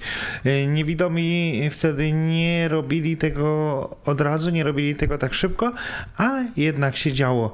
Ja byłem wtedy jeszcze szczątkowcem. Poważnie e, moja utrata wzroku była na bardzo dużym poziomie, właściwie to jeżdżenie było po, no, y, po ekranie nosem, gdzie zawsze na czubku nosa miałem taką czarną kropkę, po prostu jeździłem tym nosem e, po ekranie i, i, i w ten sposób jakoś tam sobie radziłem. I nagle przyszedł Windows 95 gdzie to był dla mnie skok, dlatego że mogłem nagle sobie szybko i wygodnie powiększyć czcionkę, czcionkę menu, gdzie mogłem sobie kursor um, powiększyć, y, przesuwający się po tym menu, mogłem zmienić jego kolor, y, kolor tło, y, tła menu, kolor liter, kolor tego kursora i liter na tym kursorze. Mogłem zmienić sobie kolor belki, kolor liter na tej belce tytułowej i to dla mnie był naprawdę olbrzymi przeskok do przodu. Rzeczywiście ja jako osoba szczątkowca, jako szczątkowiec sporo zyskałem. Oczywiście wcześniej oprócz tego, że na DOSie y, i wtedy z readboardem, z rezem, no to y, w Windowsie 3.11 y, sobie coś tam działałem, w Windowsie 3.11 który to Windows 3.11 mm, no też pewne możliwości miał, jeżeli chodzi o zmianę kolorów troszkę, ale niewiele. Można było powiększyć czcionkę, ale to naprawdę było niewiele, niewiele. Oczywiście były tam jakieś nakładki, y, które powodowały, że można było jeszcze coś więcej zrobić, ale, ale niewiele. Ja nie mówię o, o jakichś programach specjalistycznych, y, jakimś lunarze na przykład, tylko mówię o, o takich możliwościach samego systemu operacyjnego. A to nagle przesiedliśmy się na Windows 95, gdzie mogłem sobie zrobić to, co wcześniej wspomniałem. Mogłem też tu od pulpitu, mogłem sobie y, pulpit zmienić. Ja pamiętam z Windowsa 95 przed oczami, mam no w tej chwili już nawet poczucia światła nie mam, natomiast mam jeszcze przed oczami takie drzewka, takie ikonka, ikonki drzewek. Ja sobie te ikonki robiłem jako ikonki skróty na pulpicie do dysku, bo to jest była kolejna fajna sprawa, że można było sobie zrobić skróty na pulpicie, więc ja sobie robiłem mm, te ikonki drzewek takich, y, te plamy zielone właściwie najbardziej pamiętam, jak tak bardzo, bardzo właściwie gałką oka dotknąłem ekranu, no to mogłem nawet pięć zobaczyć, więc te drzewka sobie robiłem jako mm, jako E, jako skróty na pulpicie do, e, do dysków. No, bo to dysk, wszystko tam jest zrobione w formacie, w formie drzewa, więc katalogi, foldery. Kolejny przeskok, to były te właśnie później foldery, bo, bo, bo e, no ja uczyłem się jeszcze, kiedy były katalogi. Ja do dzisiaj używam e, nazewnictwa katalog jakoś folder. Do dzisiaj do mnie nie trafił, a to już 20 lat temu. No natomiast to była kolejna rzecz, która to, to był taki przeskok. Ale muszę się tutaj mm, e, do czegoś przyznać, bo ja wtedy mm, w roku 1995 w listopadzie, e, no w tym roku 20 lat to już jest wkrótce, bo mamy październik, więc już wkrótce, wkrótce drugiego listopada 2015, to będzie 20 lat, jak podjąłem swoją pierwszą pracę. No i wtedy ją podjąłem na stanowisko no, ze względów formalnych starszego księgowego, e, a tak naprawdę byłem e, człowiekiem, byłem informatykiem, no bo wtedy to nie było, że jakieś tam odnogi, gałęzie informatyki. Było się informatykiem i basta. Informatyk miał wiedzieć wszystko, więc ja zostałem zatrudniony właściwie jako informatyk, no ale dofinansowanie wtedy to, to, to w ogóle było inne czasy, nie było żadnego sodu, nic takiego.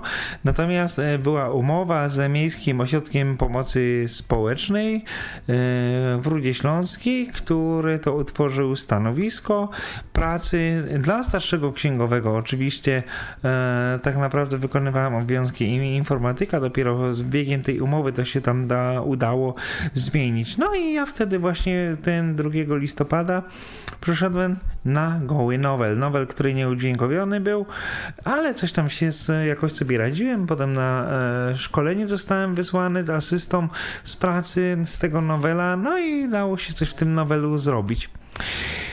No i ponieważ stwierdzono, że mógłbym więcej troszeczkę robić, ja stwierdziłem, że mógłbym owszem, ale potrzebuję DOSa, system operacyjny, właściwie nie DOSa, tylko system operacyjny, no więc yy, pozwolono mi zakupić sobie na swój komputer system operacyjny yy, z pieniędzy pracodawcy, no i miałem wybrać, to był gdzieś luty yy, już roku 2000, przepraszam, 1996, więc pozwolono mi wybrać jaki system operacyjny sobie zakupię i ja w tym momencie wybrałem system operacyjny. To są kropeczki, dlatego milczę przez chwilę, bo wybrałem system operacyjny DOS. I jednak bardzo się bałem tego Windowsa 95, e, że sobie nie poradzę, e, że Y, padł na to pierwsza moja praca i w ogóle y, i tak nie bardzo, nie bardzo, bardzo się bałem. Y, nie wiem potem z perspektywy czasu czego ja się bałem, no ale wtedy się bałem, powiem. No i kupiłem tego DOSa na swoje stanowisko pracy. Potem był już Windows oczywiście 95, 98 w zakładzie pracy. No natomiast te początki moje to, to, to było takie, taki strach właśnie też przed tym Windowsem 95. Jak ja sobie radziłem w tym Windowsie 95 95 już wcześniej wspomniałem. No ale później pojawił się Syntok. Pojawił się Syntok, ale nie w wersji jako syntezator mowy, tylko był to taki program, gdzie mogliśmy sobie skopiować do schowka i później ten schowek był czytany za pomocą odpowiednich klawiszy skrótu. Więc ja sobie e, kopiowałem tekst do schowka z Worda, czy nawet czasami jakąś całą linijkę, szybko sobie to czytałem i w ten sposób jakoś sobie to później w ten 95 systemie operacyjnym radziłem. Z systemu Windows 95 jeszcze to tak pamiętam te dyskietki. Ja nie pamiętam na ilu to było dyskietkach ten system, bo Office był na 40, ale chyba sam Windows był na troszkę mniejszej ilości dyskietek, ale mogę coś pamiętać źle, dlatego e, nie dam sobie za to uciąć nawet pół mojego małego palca u dłoni, że to było na mniej dyskietkach niż 40 E, ale to wtedy jeszcze systemy operacyjne można było na dyskietkach kupić i kupowało się na dyskietkach. Wyglądało to w ten sposób, że wkładaliśmy dyskietkę, uruchamialiśmy mm, plik setup.exe, e, no i uruchamiała się instalacja, leciała, leciała. E, tam oczywiście musieliśmy jakieś tam wybrać mm, opcje tej instalacji, popisywać klucze czy inne jakieś teksty, które były potrzebne, jak na przykład imię, nazwisko, i tak dalej, i tak dalej. E, no i nagle dyskietka e, się wgrywała. No i po na przykład 3% wgrywania wyskakiwał komunikat na ekranie, że włóż dyskietkę numer 2. No i znowu wkładało się dyskietkę numer 2, zatwierdzało się do klawiszem OK. No i dalej się instalowało kilka procent i tak te dyskietki się wymieniało, więc nie było to tak wygodnie jak było a jak obecnie y, to jest. Można było też fajnie potem sobie poradzić, jak były odtwarzacze y, płyt, bo to też rozpowszechniły się potem y, odtwarzacze płyt. To jeszcze w systemie operacyjnym nie była taka oczywista oczywistość, chociaż oczywiście były te odtwarzacze, ale nie była to taka oczywista oczywistość. A więc, yy, więc yy, na płycie tworzyło się yy, folder, na przykład y, katalog z nazwą y, systemu, czyli Windows i później było dysk 1, tam była ta wartość dyskietki pierwszej, dysk 2, dysk 3, dysk 4 i tak dalej. No i to była w ogóle rewolucja, że tak można było sobie z tych płyt tak ładnie zgrywać te rzeczy. Kolejna fajna rzecz z Windowsa 95 to było to, że jednak z tego DOSa tam można było korzystać. Ja jeszcze sobie lubiłem modyfikować plik AutoExec.bat, był sobie taki plik, który pozwala, w którym zapisywano mm, różne polecenia dotyczące uruchamiania mm, systemu operacyjnego, więc ja sobie e, wtedy, ja już z tego nic nie pamiętam oczywiście, jakie to komendy tam się wpisywało, jak to było, e, ale modyfikowałem sobie ten AutoExec.bat, że startował mi system i nagle pojawiło się menu, gdzie miałem do wyboru startuj tylko z DOSem, startuj Windows, startuj z jakąś tam pamięcią. No i to tak sobie e, startowało. To się wtedy też tak bawiłem. E, no i w samym systemie Windows 95 oczywiście DOSa można było uruchomić, bo właściwie system Windows 95 to nie był system, tylko nakładka na DOSa. To było środowisko, które nakładało się na e, DOSa. To tak jak mieliśmy Windowsa 3.11 Workgroup, gdzie też e, to właściwie nakładało się go na DOSa, 95 właściwie na DOSa też nakładało się. E, Dużo, dużo, dużo wtedy na tym mm, komputerze z Windowsem 95 można było zrobić. Baliśmy się okienek, baliśmy się klawiszy skrótu, a po jakimś tam czasie okazywało się, że wcale to nie jest takie trudne i że właściwie jest to wszystko dla osób z dysfunkcją wzroku do osiągnięcia. Ten system też pewno przyspieszył to, że na rynku pojawiły się e, programy udźwiękawiające e, dla Windows, bo coraz więcej jednak tych e, osób niewidomych tego systemu zaczęło korzystać, więc zaczęli producenci tworzyć programy udźwiękawiające, ale to już jest dalsza, dalsza historia. Na pewno e, pojawienie się systemu operacyjnego Windows 95 e, to był krok milowy nie tylko e, jeżeli chodzi o systemy operacyjne i nie tylko chodzi o użytkowanie komputerów tak na co dzień przez, przez prywatne osoby. Przyspieszyło na pewno to, to, że coraz więcej osób tych komputerów zaczęło używać, bo stały się nagle prostsze. Nie trzeba było zapamiętać tylu, zapamiętywać tylu komend, tylu poleceń. E, można było zrobić wszystko myszą, więc na pewno przyspieszyło to e, użytkowanie komputerów przez, e, nazwijmy to, zwykłego człowieka. Ale też w kwestii rehabilitacji osób niewidomych z perspektywy czasu na pewno, rehabilitacji tej komputerowej, na pewno był to krok milowy pojawienie się tego systemu operacyjnego Windows 5. I to tyle chyba moich takich wspomnień kombatanckich. Pozdrawiam bardzo ciepło, bardzo serdecznie. Krzysztof Wostal. Dziękujemy bardzo Krzysztofowi za jego głos w audycji. E, a my teraz powracamy do Windowsów. E, ja to, tylko tak? pozwolę sobie, bo y, dowiedziałem się z tą wielkością głowy, co to było. No to co to I to było? wielkość głowy to był, y, jak się dowiedziałem, że to jest to samo, co rozpiętość skali, teraz cytuję, więc tak mówię, bo do końca tego nie rozumiem, że to jest to samo, co rozpiętość skali głosu. I to był parametr syntezatora mowy po prostu, jeżeli syntezator mowy taki y, parametr miał. Czyli... A, to o to chodziło. Okej. Okay. Okej, okay. rzeczywiście to nawet jest y, taki parametr y, w tych syntezatorach typu właśnie jakiś Apollo, jest ten head size, jest taki parametr faktycznie. No, a, rozumiem, czyli kwestia y, tłumaczenia jeszcze sprawdzę, czy, bo tutaj zapytałem kolegę, Okej, okay, to wróćmy do Windowsów. Jesteśmy Czyli przy... modulacja taka, tak. Tak, jesteśmy przy Windowsie 98 teraz. Y, tu już myślę, że wszyscy będziemy mieć jakieś wspomnienia, bo to nie tylko y, Mikołaja, ale to mój był system pierwszy, twój Michale? Yy, tak, też. Też. No, mi... ja, ja, no, pierwszy, no to trochę się śmieję, bo ja tak z tym 9.8, yy, no chociaż nie, potem tego 9.8 używałem jakiś czas w sumie. Czyli tak, to też pierwszy. Tylko ja mówię, 9.8 używałem, bo 9.8 przypomnijmy, on był od... Ty 90... używałeś 98 w czasach XPK.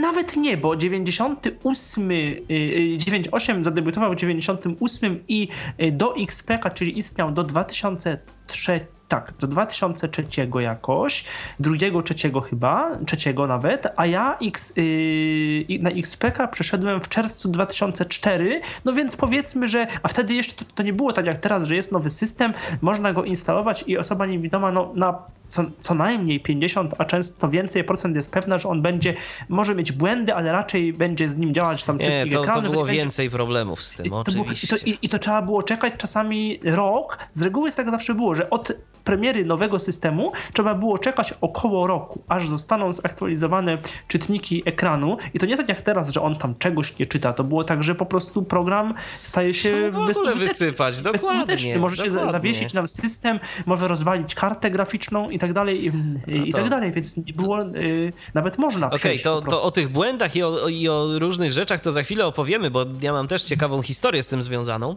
ale najpierw y, zapytajmy naszego głosu tłumaczącego z obrazu, z obrazu na yy, zrozumiałe dla nas informacje, czyli Mikołaja. Mikołaju, jak to było mm, z Windowsem 98? Wizualnie to się czymś od 95 różniło? Były jakieś zmiany? Coś? Nie było drastycznych zmian, natomiast on był, ten system był, yy, że tak powiem, yy, bardziej taki, yy, on już obsługiwał się te troszeczkę wyższe rozdzielczości znowu, tak? E, natomiast wizualnie drastycznie się nie zmienił. On pewne rzeczy tam kolorystyczne może troszeczkę tak poprawiono.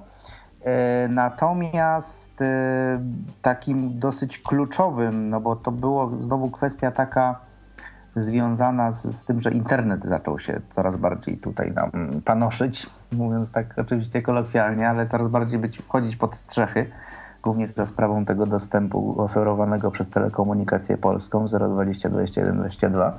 Pod taki numer modemem się należało wydzwonić, żeby mm, dało się korzystać z internetu. I w każdym razie ten system miał już wbudowanego Internet Explorera. Znaczy to była część systemu. Tego się jakby nawet nie dało odinstalować, to nawet z tego powodu Microsoft miał nieprzyjemności. Natomiast y, pamiętam, że ten system, jak już się na niego, y, że tak powiem, człowiek przestawił, to on naprawdę pokutował bardzo, bardzo u mnie długo.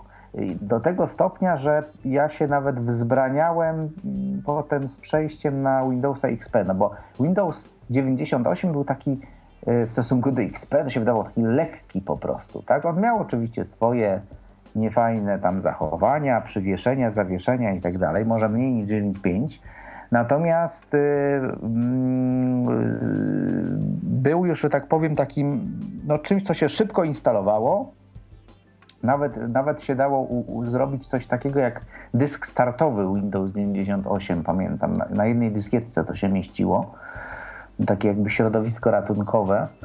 Mm, no i mówię, pamiętam, to był taki pierwszy system, z którego na, naprawdę nagminnie się korzystało, no głównie właśnie pod kątem y, korzystania z internetu, stron internetowych, poczty, też pamiętam wtedy właśnie Outlook Express był chyba. Y, tak, Outlook Express 4.0, dokładnie. Tak. To była pierwsza wersja yy, dla Windowsa 98 oczywiście, bo tam mm -hmm. wcześniej też były, zdaje się, to, chyba to się jeszcze tak. wcześniej to nazywało jakoś Internet Mail, czy, czy, czy, czy, czy Ale podobnie. to było chyba krótko. Ja już pamiętam jako y, Outlook Express i pamiętam pierwsze swoje konto Yy, zakładałem, to jeszcze się, to nie był jeszcze Onet, to się nazywało OptimusNet. Tak. Yy, I tam się formularz się wypełniało i te konta, ze względu na to, że potem yy, pamiętam już tam chyba domen im zabrakło, czy coś takiego, to były konta się nazywały Frico. Frico i friconet.pl czy jakoś tak i pamiętam, że ze względu na to, żeby tam zwiększyć liczbę użytkowników, Kolejny... Friko 1, Friko 2 i tak, tak dalej. 2 czy 4. Ja pamiętam, tak. miałem coś chyba na Friko 6, jeżeli dobrze pamiętam. A sporo osób miało na Friko 6 i jeszcze na Friko tak. 7. Tak. Tak, tak, było, było. Też, wtedy też sporo ludzi miało konta na Polboxie.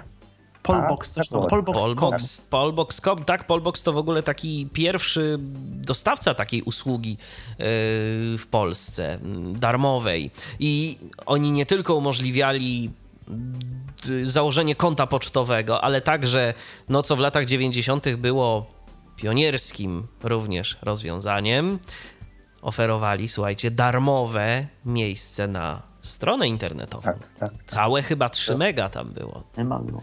Ach, 6 mega było w sumie do podziału jakoś, albo, albo 3 mega do podziału. Jakoś bardzo mało. Y, ja akurat pierwsze konto też miałem na Polboxie, ale ono mi jakoś nigdy nie chciało działać. Za to już drugie działające to KKI Krakowski Komercyjny A. Internet. KKInet.pl. Tak. tak. tak. Tak. A to był taki normalny operator. Wszyscy tam mogli po prostu. Taki operator internetu. Y, znaczy, to był Też, operator taki by... bardziej, bardziej, bardziej konta tam w Krakowie chyba coś udostępniali, jakiś internet rzeczywiście. Natomiast głównie no to KKI zasłynęło wtedy z y, tych darmowych kont pocztowych, które. Bo wtedy co, co mhm, bo wtedy co jeszcze było? Było to KKI, było y, O2 już, tlen, jak się zaczął pojawiać. Yy, chyba troszkę chyba, później, jeszcze. troszkę później. Chyba, Wirtualna Polska była na przykład ale też dopiero tak wchodzi, Trosz... znaczy ona już była, tylko że y, z tą pocztą oni chyba jeszcze trochę później niż tym Optimus Ten był. portal te telekomunikacji spróbowali, poczta portal.pl miałem takie pierwsze tak, konto, ale to się szybko WP to dosyć przejęło. I jeszcze było gazeta dosyć później, jakaś taka coś, co się nazywało jakaś hoga.pl. Było, coś takiego, było, było. była Hoga, była Hoga, y, było jeszcze konto.pl, też dość szybko też chyba się pojawiło. No było tych dostawców. Jeszcze nie wiem, czy pamiętacie, ale to już troszeczkę później, w tam rok 2001 bodajże, box43gnet.pl. Nie wiem, co to tak. było, ale miałem, pamiętam też na tym konto pocztowe. Yy, trochę to pochodziło. O, jeszcze skrzynka, yy, skrzynka.pl zdaje A to, to ktoś to na Tyflosie ktoś miał skrzynka.pl. Tak, skrzynka.pl, był jeszcze poland.com, yy, tak. też było było coś takiego, no było tych, tych dostawców Ale wtedy, różnych. wtedy jeszcze sporo, jeszcze stosunkowo dużo ludzi miało te skrzynki mailowe, bo to jednak się po, potem dość, troszkę później, jak te komputery się rozprzestrzeniły i internet i wirusy, o czym też może troszkę potem powiemy, to się zaczęło mówić, że te, te darmowe skrzynki są takie dziurawe i tak dalej i y, kto mógł, to jeszcze miał konta, to sobie używał konta firmowego albo u jakiegoś dostawcy takiego, u, u jakiejś firmy po prostu, Typu albo Home y, na przykład. Typu Home, y, czy nawet jakaś taka po prostu firma jakaś tam, y, tak samo, albo konta, y, no właśnie w, w jak- jakichś takich domenach uniwersyteckich. y, Uniwersytet, no tam, gdzie ktoś pracował po prostu. Albo się po prostu uczył, bo studenci dostawali też Tak, tak, tak. e, na okres studiów, a nierzadko i później też mogli sobie Oj, utrzymać te pamiętam na, na tym, na, mała dygresja, jeżeli mamy jeszcze na ten kontakt, to pamiętam, na, jak zacząłem studia w 99 roku, mogłem złożyć wniosek o założenie konta w domenie właśnie tutaj na Akademii Ekonomicznej w Poznaniu i był taki serwis Nowci. Nowci i wszyscy się zastanawiali, jak to się w końcu pisze, tak? Jeden miał Nowci 1, jeden Nowci 2, tam nowci.ae.poznan.pl, tak? A to wtedy te konta uczelniane to były naprawdę na wagę złota, bo jeszcze w tamtych czasach to było istotne, że bardzo często tam był dostęp nie tylko do maila, ale tam był Miejsce na stronę było. No. Miejsce na stronę to jeszcze jedna sprawa, ale był dostęp do powłoki. A wtedy, y, skoro się na przykład ten dostęp do internetu był wliczany, y, po prostu gdzieś tam powiedzmy trzeba było się liczyć z czasem, to nierzadko robiło się tak, że odpalało się y, jakiś proces na takim koncie aby sobie pobrał jakąś tam stronę, potem pakowało się to zipem, czy tam jakimś tarem, zipem i pobierało się taką paczkę yy, i żeby sobie te strony w domu przeglądać. Yy, To też tak niektórzy robili. O właśnie, to też właśnie ze względu na tą, na tą internetowość tego. I to, że Internet Explorer był y, przeglądarką, a y, mówię, nie wszyscy też mieli y, mówię, ani i zasoby, i modemy, trzeba było też modem kupić, ja miałem modem nawet zewnętrzny taki, y, to ja pamiętam, y, nie wiem czy kojarzycie, był już tak trochę z prasy takiej y, internetowej, była taka, taka gazeta, no wi- wiadomo, że to jest prasa drukowana, no ale y, taka gazeta www była. Była, Takie pamiętam. czasopismo, tak? Tak. Czego? Ja pamiętam, oni dodawali do swoich czasopism e, e, taką, no, nazwijmy to w dzisiejszych czasach aplikację, ale aplikacja po prostu polegała na tym, że się odpalało tego CD i uruchamiała się przeglądarka i w przeglądarce się otwierała strona i taka lokalnie oczywiście, tak? I tam było tony, czasami nawet zrzutów offline'owych różnych stron, tak? Z jakimiś tam dowcipami, z jakimiś tam audycjami i tak dalej, i tak dalej. Potem też tam, to już mówię, trochę dygresyjnie mówię, ale dlatego mówimy o tym, bo y, ten Windows 98 to jednak właśnie kojarzymy, z, przynajmniej ja kojarzę bardzo mocno z korzystaniem z internetu. Ja też. A I- zapytam jeszcze, Aha. Mikołaj, ciebie o taką rzecz. A korzystałeś z internetu jeszcze w czasach, yy, no powiedzmy przełomu, czyli Windows 95 i DOS, tak jak niektórzy, że tam się właśnie łączyli z, yy, z DOSa z internetem i na, na serwerze pisali tam te linuxowe jakieś komendy do ściągania plików, do odbierania nawet jakichś maili i tak dalej? Nie chyba. Nie do, znaczy w tym sensie nie do końca, bo ja mówię, ja pierwsze swoje połączenie z netem nawiązywałem w lipcu, w połowie lipca 2000, e, tfu, y, 1997 roku.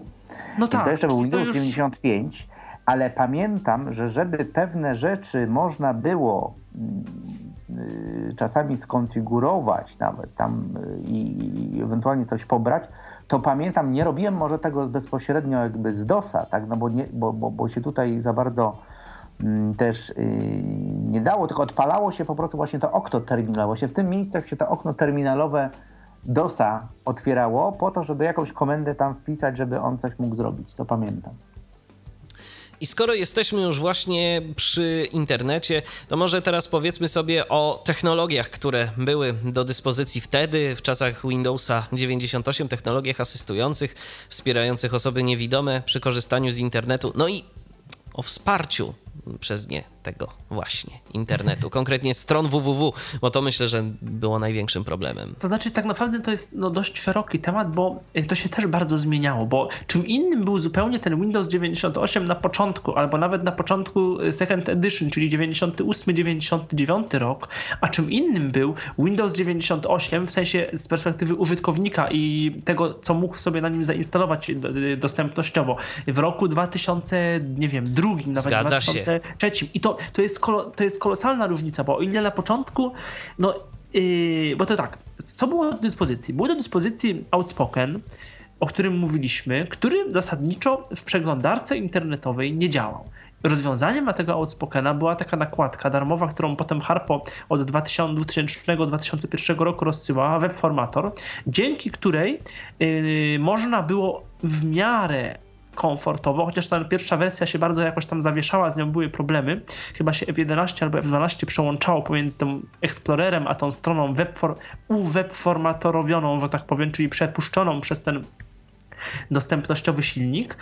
Y, I tak można było y, obsługiwać y, strony, obsługiwać, czytać strony internetowe i poniekąd je też obsługiwać.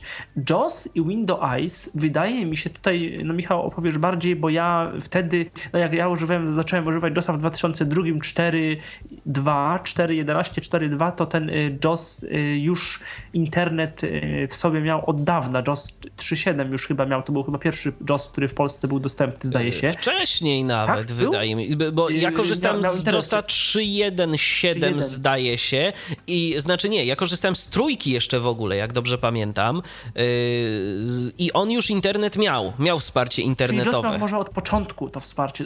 Tak, i chyba po prostu JOS tym, yy, tym yy, dlatego on był i taki drogi Job i tak Access bardzo... with Speech, a, tak. a Amerykanie bez internetu to już wtedy pracować za bardzo nie mogli i on przez Altix był tak bardzo, no jednak prom słusznie promowany tak ostro, no bo, bo no on wtedy rzeczywiście miał te możliwości no ogromne. No właśnie, wiesz co, to było jakoś tak, ja się, ja się wtedy dlatego powiedziałem, że ja się na tego Hala naciąłem, bo był jeszcze wtedy Hal yy, dla Windowsa 95, on się tak nazywał, to była też tak. jakaś taka wczesna wersja Hala. HAL 95 chyba, po prostu. Tak, yy, dokładnie, HAL 95. Wiesz, ale może kwestia ceny też. Yy, wiesz co, ale po, poczekaj, poczekaj, poczekaj, poczekaj.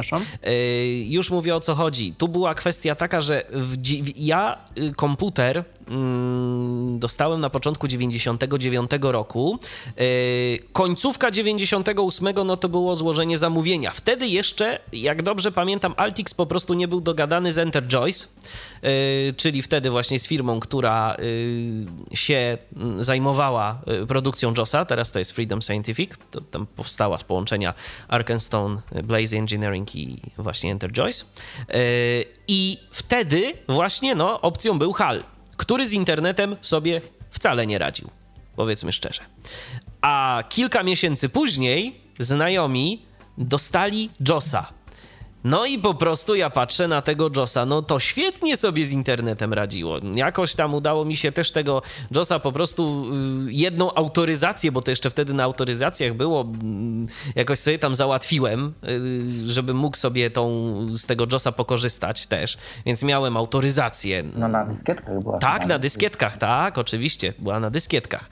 I tam trzeba było skopiować specjalny plik, tam trzeba było uważać, bo ta autoryzacja mogła się skasować, y, albo on sobie sobie coś tam zapisywał i jak się defragmentowało dysk nawet tam e, powiedzmy tym Norton Speed diskiem, to potrafił już JOS nie wstać. E, no takie dość mocne tam były te zabezpieczenia. Yy, bardzo na wyrost. No i miałem tego JOSa i rzeczywiście no wtedy to się z, tej, z, tego internetu korzystało bardzo fajnie, bo to po prostu no tak jak teraz. Yy, strona internetowa to był dokument, który, yy, po którym się poruszaliśmy za pomocą strzałek, były klawisze szybkiej nawigacji typu tam H to nagłówki, L to jakieś linki i tak dalej, i tak dalej. Yy, z Windowsem miałem do czynienia troszkę później, bo to był zdaje się 2000 albo 2001 rok.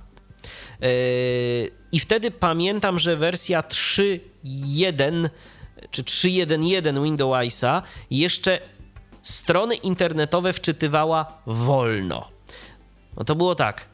Otwieram sobie stronę, ładowanie strony. Czekam, czekam, czekam załadowano.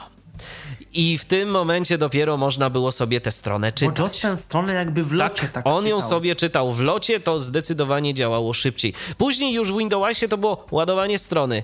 Załadowano i już tam się od, no my też od tego tak 4. y, Nie czujemy, bo, no bo wtedy jeszcze, teraz, teraz tego nie czujemy, ale to było, też to było spowodowane z jednej strony niedosta, niedostatecznym zaawansowaniem tych technologii asystujących, ale z drugiej strony po prostu tym wolnym wczytywaniem się stron internetowych, co wynikało z łącz modemowych, gdzie naprawdę trzeba było czekać. Tak, ale wiesz co, tam akurat była kwestia po prostu taka, że to było chyba źle napisane, bo no, strona się musiała najpierw cała zaczytać, żeby program odczytu ekranu mógł z nią jakoś tam coś zrobić. Pamiętam, że się wyłączało wtedy obrazki. Kto teraz to robi? Ale kiedyś się wyłączało tak, obrazki w, konfi- w konfiguracji podstawa. przeglądarki dla osoby niewidomej, y, żeby tak. było szybciej. I Windows Eyes dopiero chyba tak rewolucja była w wersji 4, to była tak 4.50, 4.5 w 2003 roku. To była pierwsza taka wersja, gdzie on miał tą, to insert chyba tab, tą listę yy, całej yy, tych wszystkich, wszystkich tych elementów internetowych i możliwości. Wiem, że to była taka bardzo taka kluczowa gdzieś tam wersja. 451 chyba, nie? To się było, jeżeli czy nie? Y, jeszcze raz Mikołaju? Ten numer 451 chyba, takie, taką, taką liczbę, nie wiem. Tak, było, by, była, była, była taka wersja. Była taka wersja. W ogóle te y, wersje Windowsa, y, no wtedy to naprawdę było coś, bo yy, i działało to naprawdę fajnie. Ja powiem szczerze, ja się przerzuciłem później na Windowsa i naprawdę przez wiele, wiele, wiele lat bardzo ten program chwaliłem. No właśnie, bo... a dlaczego ty się przerzuciłeś na Windowsa właściwie z tego JOSa, skoro... Z prostej przyczyny, bo y, zobaczyłem Windowsa u znajomych y, i on mi się naprawdę spodobał. Jego taka mm, jego filozofia. filozofia pracy, filozofia użytkowania, wszystko po polsku, wszystko fajnie przetłumaczone. Y, działało to naprawdę super. Y, JOS, którego ja wtedy, z którego ja wtedy korzystałem, nie był po polsku. Instrukcja też nie była po polsku do JOSa, bo to jeszcze wtedy nie były te czasy. HAL też nie był po polsku. Windows to tak naprawdę w pewnym na pewnym etapie to był jeden, jedyny program, który był po polsku. No nie, jeszcze Outspoken, tak? Bo Outspoken no tak, tak, Outspoken, tak, Outspoken to się zgadza. No tylko, że Outspoken potem odstawał. No, tak, tak. Wie. Hal też. I Hal, od, Hal i, Hal, I Hal odstaje nadal z tego, co do wiem. dzisiaj. Tak, do dzisiaj. No po prostu y, teraz to pod marką super nowa. Dolphin po prostu poszedł chyba w nieco inną grupę docelową niż całkowicie niewidomi, tacy bardziej właśnie resztkowcy i i osoby też starsze.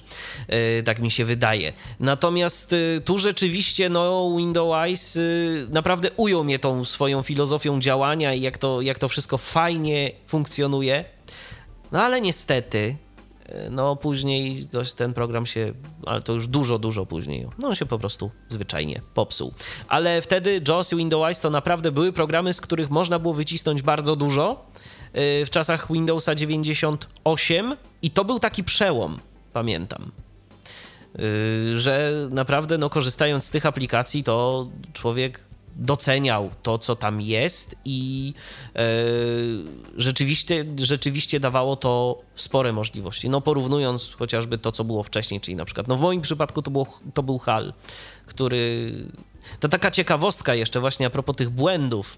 E, no ja wtedy miałem, jeszcze chodziłem do szkoły mm, i gdzieś tam powiedzmy, no nie myślałem jeszcze o pozyskaniu pracy, ale tak sobie mm, uświadam, uświadamiam teraz, że sytuacje, do jakich doprowadzały wtedy programy odczytu ekranu, yy, mogły pracodawcę już totalnie zniechęcić do zatrudniania osoby niewidomej, bo taki przykład wam podam. E, kiedyś e, ojciec mnie prosił, żebym mu tam coś pomógł w pracy, no bo coś mu z komputerem nie działało. Ja już sobie z tym komputerem zaczynałem całkiem nieźle radzić. E, I było to no, dla mnie mm, tam dość proste do zrobienia, no ale mówię, dobrze, to słuchaj, to zainstaluję sobie tego hala, tak, y, żeby po prostu mógł tam sobie z tym poradzić i zrobić to szybciej, niż ty mi będziesz czytał tam z ekranu. No, dobra, pojechaliśmy, wziąłem jeszcze Apolla yy, i instaluję hala. Next, next, next, finish, restart. I komputer nie wstał. Niebieski ekran, słuchajcie, krytyczny wyjątek, bo to Windows 98, to się wtedy tak nazywało No i co? I miało być prościej, a spędziliśmy chyba jeszcze tam, nie wiem, z godzinę yy, wyrzucając tego hala w trybie awaryjnym. Mm, bo też y, tam musiałem ojcu mówić wszystko, co ma robić i gdzie ma wejść i jakie, gdzie tam konkretnie kliknąć, żeby się tego hala pozbyć. Całe szczęście wstał ten system, bo, bo to był komputer w pracy, więc, więc był potrzebny. No, także taka ciekawostka a propos błędów różnych.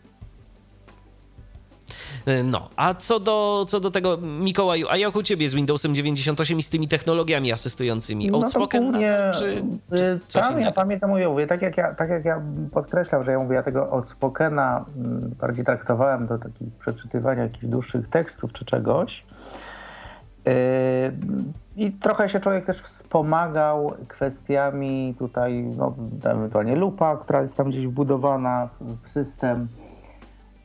I to były, to były głównie te rzeczy, tak? No, oczywiście też kwestia tego, że dało się też oczywiście, wiadomo, system tam dostosowywać, wizualnie pewne, pewne rzeczy. Ja też w niektórych sytuacjach tam troszeczkę tryb wysokiego kontrastu używałem.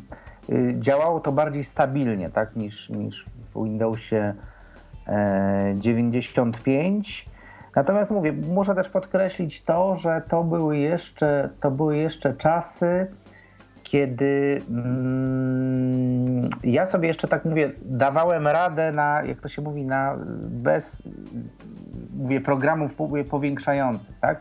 Miałem okazję, miałem okazję, już teraz nie pamiętam, czy to też było na zasadzie jakiejś tam gdzieś tam koleżeńskiej czy coś, e, były, e, były jakieś takie, mm, to chyba nawet właśnie też gdzieś od Dolfina, jakieś takie wersje tam właśnie Lunara, które były programami takimi, można było to zainstalować pod Windowsa 98. Ja wtedy też jeszcze nie, nie żyłem tak tymi stricte technologiami asystującymi od strony takiej, że tak powiem, tego zafascynowania może. Tak? To jeszcze nie były może te czasy, gdzie Yy, gdzie, yy, gdzie się jakby człowiek jeszcze tym tak fascynował, no bo głównie komputer się używał gdzieś tam troszeczkę do rozrywki, ewentualnie podczytania sobie jakichś tam tekstów, Zresztą też nie było tak za, za dużo tych yy, znowu zasobów. Źródeł też, nie było internetu. No, ja pamiętam chyba jeden z pierwszych, ale to chyba trochę później były te zasoby na Uniwersytecie Warszawskim, nie? Ten centrum. Ten intranet tak, zwany.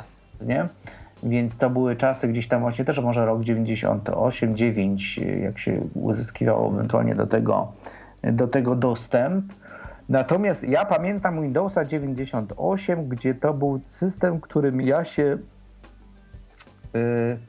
coraz mniej, można powiedzieć, coraz mniej bałem grzebać w preferencjach systemu. To był pierwszy system, w którym ja się tak odważałem pewne rzeczy gdzieś tam sobie grzebać w ustawieniach samego systemu, tak? Bo też wam powiem, to było tak, że mówię, no, gdzieś w te, w te komputery mnie i brata to gdzieś, mówię, w sumie gdzieś tam wcześniej ojciec wdrożył, ale to zawsze on był tym takim guru, który gdzieś tam wcześniej, mówię, czytał tutaj kwestie, robił jakieś tam czasami jakieś konfiguracje tego tutaj, bo czasami też trzeba było zmienić rekonfigurację pod kątem obsługi Windowsa, bo tak naprawdę, mówię, mimo, że to był 9.5 czy 9 potem 8, to tak naprawdę pod maską i tak był DOS, pod maską, jako taki silnik, tak, który to się nazywało DOS 7 nawet wtedy, tak na marginesie, bo można było wyjść z tego Windowsa do trybu DOSa, to się gdzieś tam pod spodem nazywało DOS 7, ale to już tak na marginesie mówię. W każdym razie to był pierwszy system 98, którym ja się, tak można powiedzieć, uczyłem na błędach czasami, yy, yy, że tak powiem, jakiegoś konfigurowania czegoś. Tak, to już chyba też był czas, kiedy też mieliśmy już drugi, dwa komputery w domu były, więc jeden był taki, który można było, jak to się mówi, zepsuć.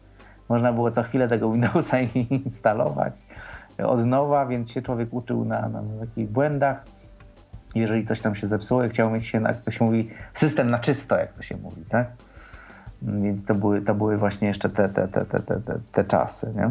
Ale tak powiem, ten Windows 98, potem Windows 98 Second Edition, o właśnie, to, tylko to też warto powiedzieć, bo w 99 roku pojawiła się tak zwana aktualizacja, tak zwane Second Edition i co ja właśnie tam y, korzystałem, mianowicie ze względu na to, że mieliśmy w domu już dwa komputery i to też był czas, kiedy u nas zagościła na przełomie roku 99 i 2000 zagościła u nas Neostrada, a właściwie wtedy się SDI, SDI. czyli szybki mhm. dostęp do internetu.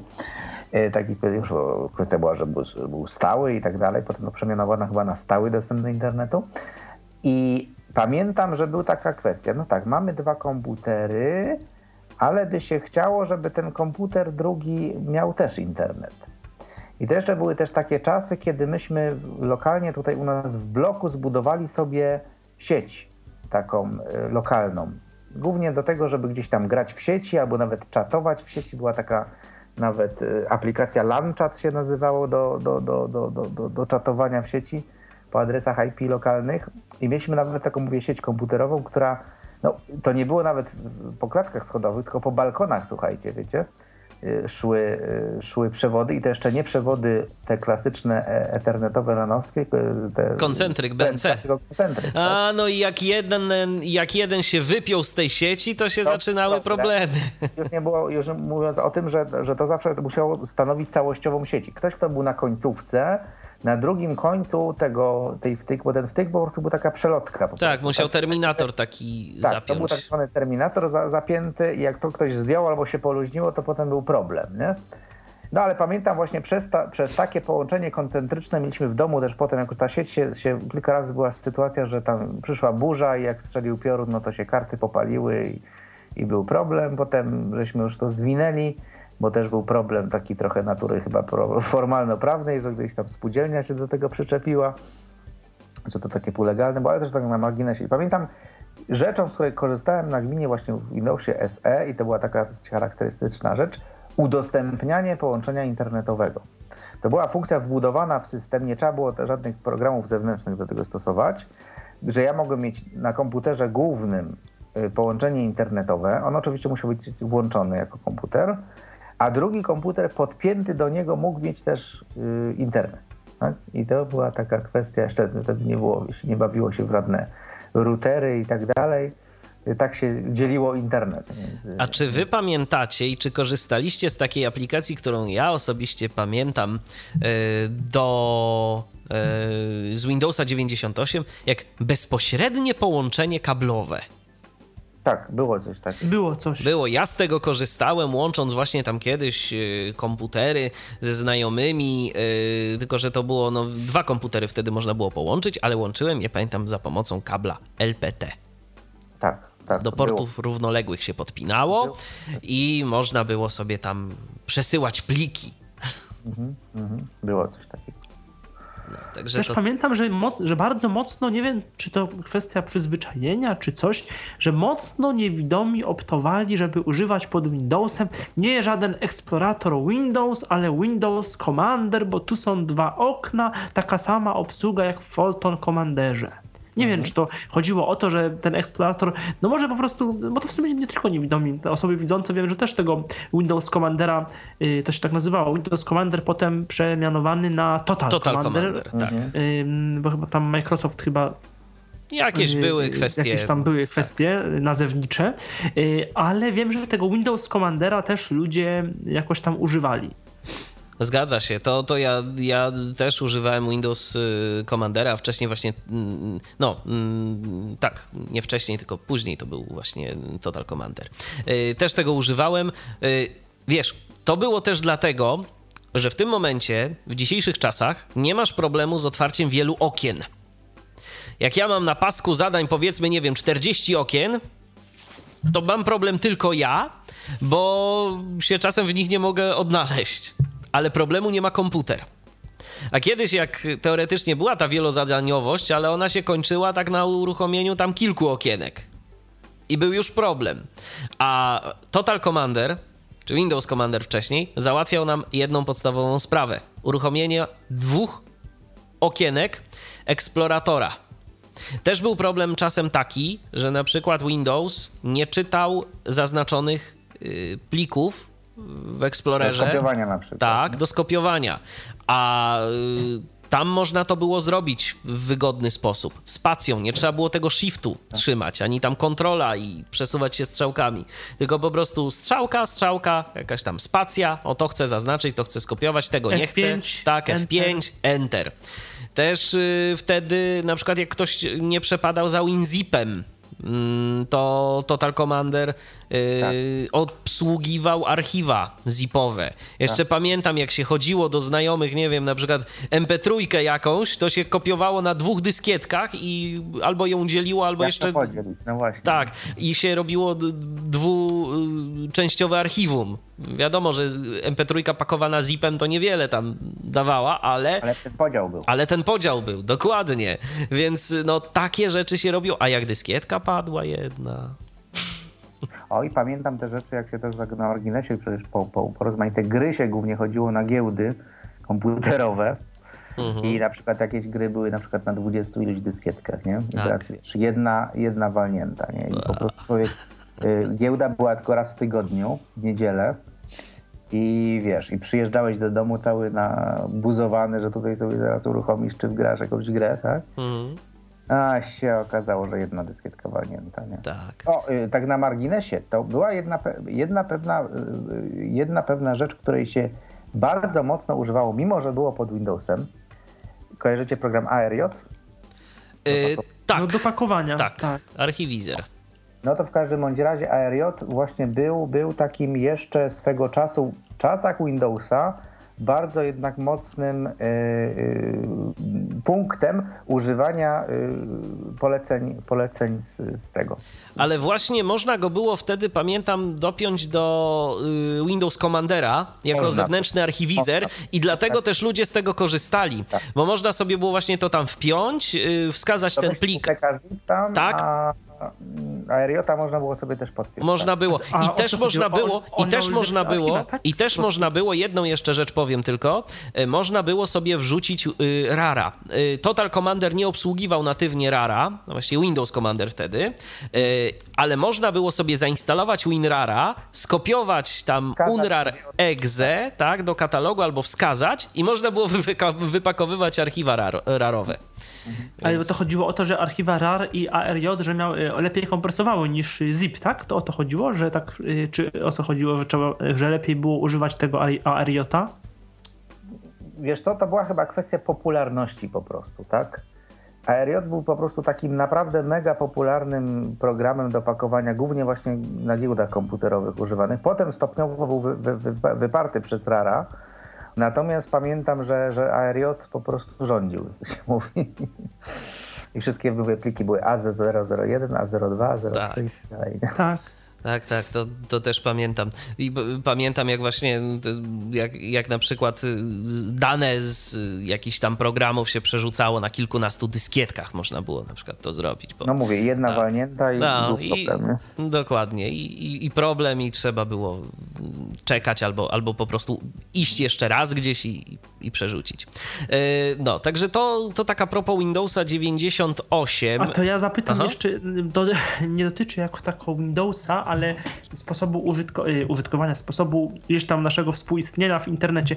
Jak wtedy było z dostępnością stron internetowych? Co było głównym problemem? Ten flash, czy, czy co wtedy? Wtedy to problemem było to, że programy odczytu ekranu nie, nie Dobrze, chciały za bardzo... Tak, tak, ale zakładam, że mamy tego JOSa albo Windowsa, który prędzej czy później nam wczyta stronę aż po stronie twórców, y, po, y, no tak, można powiedzieć, że twórcy, y, twórcy stron jak NATO, to znaczy jak my. Największym jak problemem programy. wtedy, największym problemem wtedy moim zdaniem był brak tekstów alternatywnych. I w tych czasach to było, to było w zasadzie jedyne coś, co mogło stwarzać takie duże problemy. No tak, bo grafika, grafika. Bo grafika wiemy, to grafika y, dokładnie, bo wtedy jeszcze nie mówiło się o jakichś JavaScriptach za dużo. To znaczy one były, ale to tak bardziej na zasadzie jakiegoś dodatku. Y, I tak, zegar no tak, na stronie. Tak, zegar na stronie oczywiście. Ale linki o, na stronach jedna rzecz, jedna rzecz, jedna rzecz, która mogła stwarzać problemy i to duże. Aplety Javy. Aplety Java, czyli, tak. czyli czaty różnego rodzaju, jakieś tego typu sprawy. Albo wtyczki programów, nie wiem, pamiętacie ten e, odtwarzacz dosyć bardzo, Real Player? Real Player, tak, było coś On takiego. był bardzo był. popularny, bardzo oni go, e, ta firma go wtedy promowała i jak się nie miałeś, wiesz, wtyczki do Real Playera, to nie odtwarzało. Nie odtwarzało to, dokładnie, ale... Ale to, to e, właśnie też ja bym chciał zwrócić uwagę na tą kwestię, może taka trochę programistyczna, związana mhm. tutaj z, z HTML-em, tworzeniem stron, bo to też były czasy, kiedy kiedy się próbowało swoje strony tworzyć w HTML-u. Kurs Pawła Wimera. Totalny bałagan, jeżeli chodzi o... No i to niestety pokutuje do dziś, tak?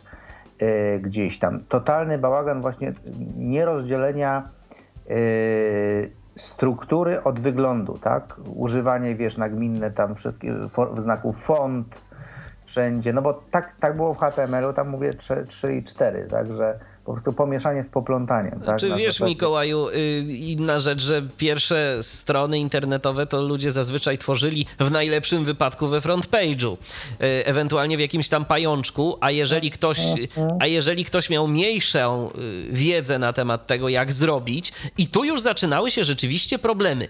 Ja pamiętam, że boje toczyłem z, ze znajomym i tu naprawdę, tu już po prostu do jakichś kłótni, prawie że na noże dochodziło który postanowił, że on zrobi stronę właśnie tej naszej lokalnej stacji. Wszystko fajnie, tylko znajomy postanowił, że ją zrobi w Wordzie. I to był Word 2000, a o ile Word 97, to ten kod HTML miał jeszcze taki w miarę, w miarę, o tyle Word 2000 zaczął dorzucać tam jakieś swoje rzeczy, takie pseudo-XML-owe.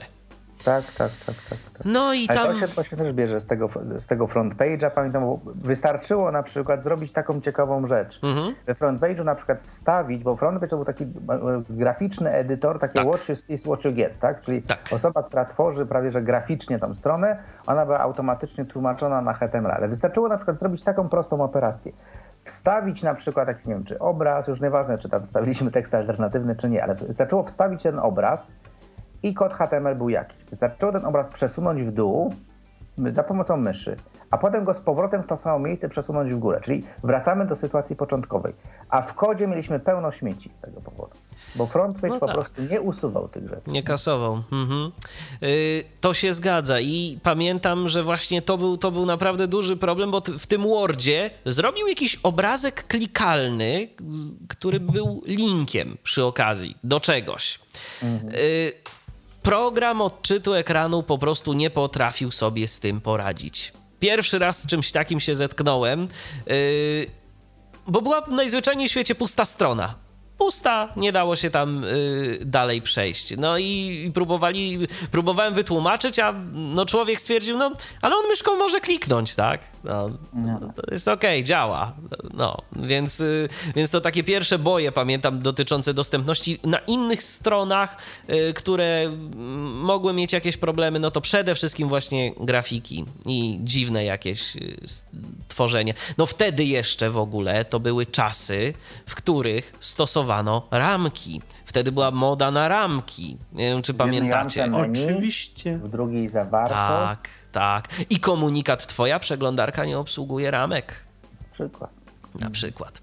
Y, to tak jeszcze a propos właśnie frontpage'a, to pamiętam y, jak tu Mikołaju wspomniałeś o tym, że były te płyty ze stronami internetowymi jakieś, też miałem taką płytę. No i oczywiście korzystałem jeszcze wtedy z Hala. E, był problem taki, że HAL nie za bardzo sobie radził. To wiecie, jak sobie radziłem z czytaniem stron wtedy? Otwierałem je we front page'u. W przeglądarce była tam opcja edytuj i był ustawiony program FrontPage jako edytor. Ja sobie to otwierałem i mogłem wtedy sobie przeczytać treść strony. Mhm. W ten sposób sobie na początku radziłem z korzystaniem ze stron internetowych. No, to... Jednak FrontPage się przydał. Tak, no i FrontPage wtedy... się przydał. FrontPage Express to się wtedy nazywał. Tak, Taka polska y, do Windowsów, czy do Internet Explorera w którejś wersji dołączana nawet. Tak. I wtedy też problemem, problemem no taką, mm, taką osobliwością tamtych czasów było to, że jeszcze chyba nie było, albo ona też by, być była, bo to w, tam pod koniec lat 90., ale to, to nie, nie, korzystało się, mam wrażenie, jeszcze masowo y, z przeglądarki Google. I to było takie myślenie, że. Z raczej, wyszukiwarki. Y, y, przepraszam, oczywiście, nie, nie korzystało się Jest z wyszukiwarki. była Altavista. Tak, tak. I to było tak, że bardziej te strony, no też może przez przez kwestie mhm. modemów i tak dalej, ale bardziej się jakby tak przekazywało komuś jakieś ciekawe adresy stron, albo uczyło ich na pamięć, albo zapisywało w ulubionych, niż wyszukiwało konkretnej informacji w Google. Wiecie, ostatnio czytałem, ostatnio czytałem, to taka dygresja już zupełnie totalna, ale ostatnio czytałem, że w Korei Północnej, w tym ich wewnętrznym internecie, Kwangmyong to się nazywa, y, tam y, w zasadzie bardzo rzadko wykorzystuje się w ogóle system domen. Tam wszystkie adresy takie najważniejsze, bo tych stron to tam za wiele nie jest, to się, to się zazwyczaj wprowadza po prostu wpisując adres IP. To taka ciekawostka. No, no wiecie, w latach 90. i pod koniec lat 90., kiedy internet się tak tego, były wydawnictwa, które drukowały takie książeczki z adresami internetowymi. Tak, ja tak? miałem kiedyś taką, ja miałem tony, kiedyś taką książkę. Tony adresów były mhm. tam, to były adresy takie pełne, wiecie, gdzie tam coś slashe, pełno wykrzykników, coś tak dalej. Tak, krop, slash index.html. Tak, i się kończyło Żeby na tylko. HTML, tak, i to było jeszcze podzielone na działy, tu wiadomości, pogoda, tego i tak dalej, nie? I teraz już, już nie mówiąc o tym, jak, że to kazali to przepisywać, wiadomo, tak?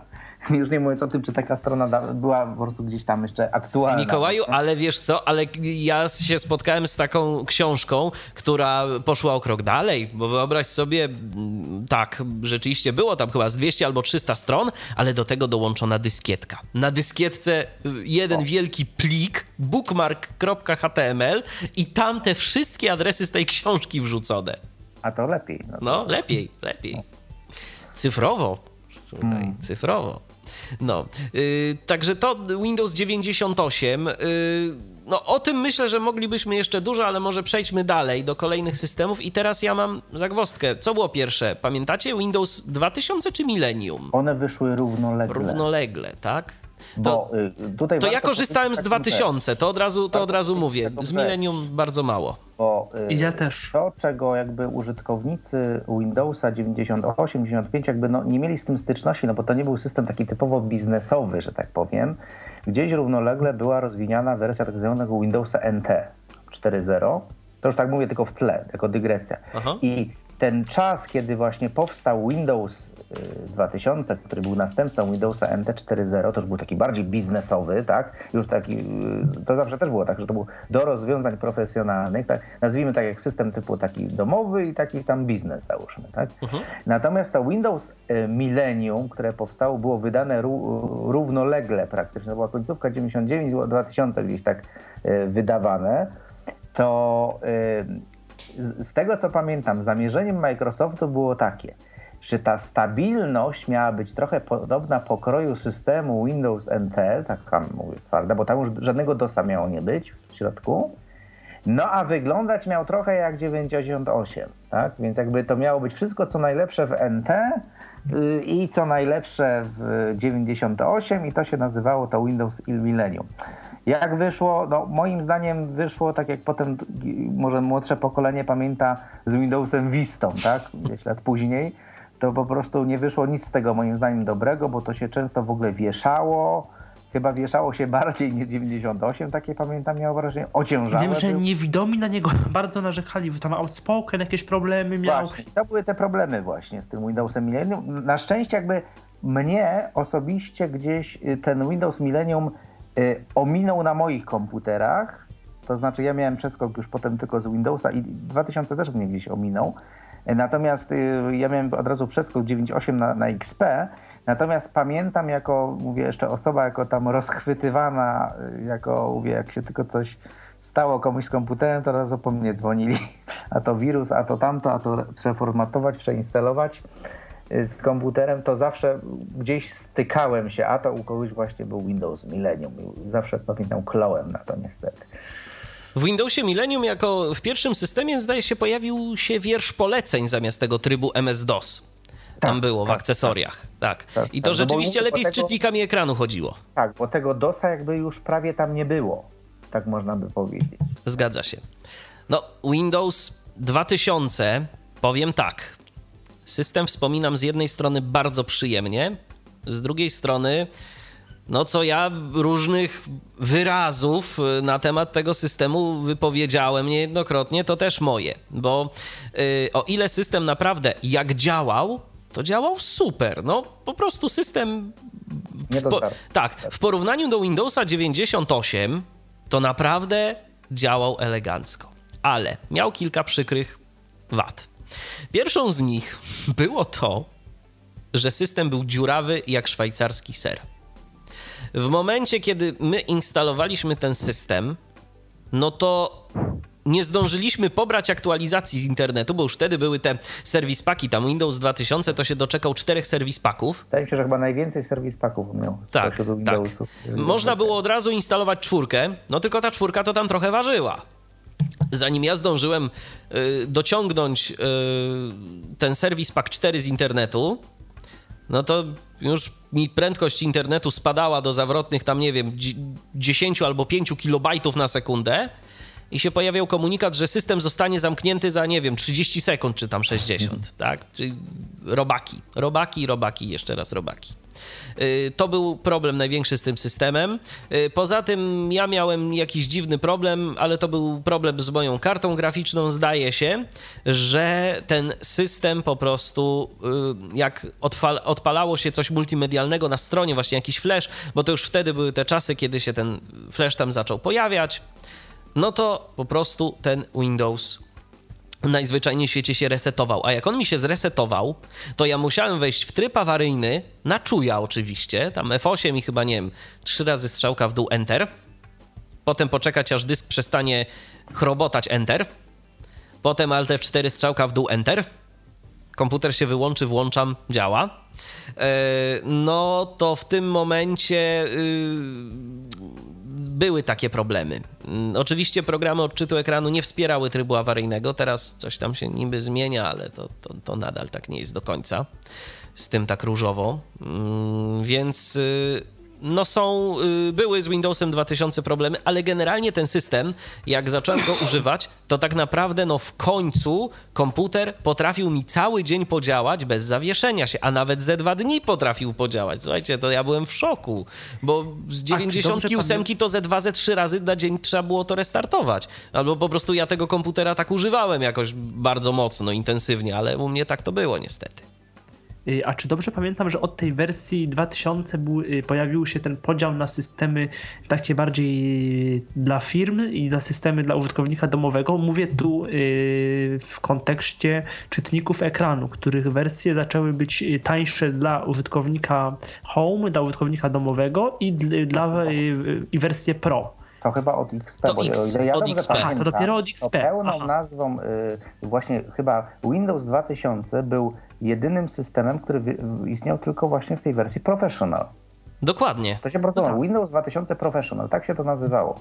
Chyba tak. nawet nie było Windowsa 2000, po prostu. Tak, ale ja pamiętam, ja z tego systemu byłem naprawdę zadowolony, jak w końcu jakoś go okiełznałem. Ja się nawet przesiadłem na jakiś czas na XPK, a później wróciłem do tego 2000 i go jeszcze używałem przez y, kawałek czasu. Y, miał jedną wadę z mojego punktu widzenia. Mm, wada była mianowicie taka, że nie potrafił, co zresztą, czego zresztą nie potrafiły też inne systemy, a już wtedy zaczynało mi to dość mocno przeszkadzać, że nie potrafił w jednym czasie nagrywać dźwięku za pomocą jednego urządzenia z dwóch kart. Hmm. To znaczy, przepraszam, inaczej. Nie potrafił z jednej karty nagrywać z dwóch programów. O, w ten sposób. Że po prostu, dajmy na to, mam odpalone jeden program, którym na przykład nadaje jakoś tam powiedzmy w radiu. Drugi program to jest jeszcze coś i on też chce pobrać sygnał z tej karty. Nie dało się. Trzeba było po prostu wybrać albo z tego, albo z tego. Inaczej nie działało. Dopiero to zostało wprowadzone w Windowsie XP. A jeżeli chodzi o technologię, no to tak naprawdę no już wtedy mieliśmy do dyspozycji Windowsa, mieliśmy do dyspozycji JOSa i te czytniki ekranu tak naprawdę no po prostu z tym systemem działały. I jako takie z Windowsami działają mniej lub bardziej, no podobnie właściwie, abstrahując od tych kwestii modern i kwestii dotykowych ekranów, to działają w zasadzie tak samo. Ogólnie filozofia się nie zmieniła czytników ekranu. Dokładnie. I ja myślę, że ostatnim systemem, o jakim powiemy, bo no myślę, że to ujęcie historyczne no nie ma sensu omawiać systemów, które są jeszcze obecne, tak? Moglibyśmy co najwyżej jeszcze o wiście, ale tu chyba nie za wiele jest do opowiedzenia.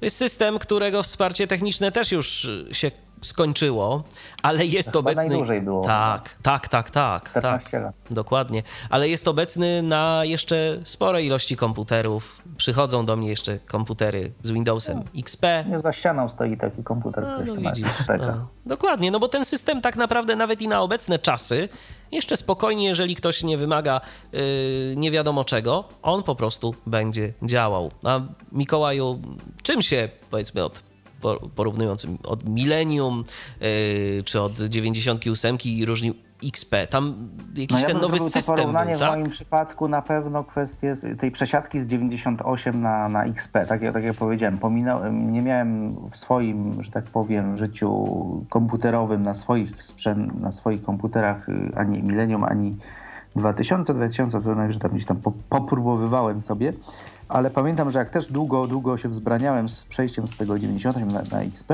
to zaskoczyła mnie przede wszystkim ta taka stabilność, tak, że tu mamy jednak to jądro gdzieś tam tego Windowsa NT w środku, że tak powiem, jeszcze z tamtych czasów.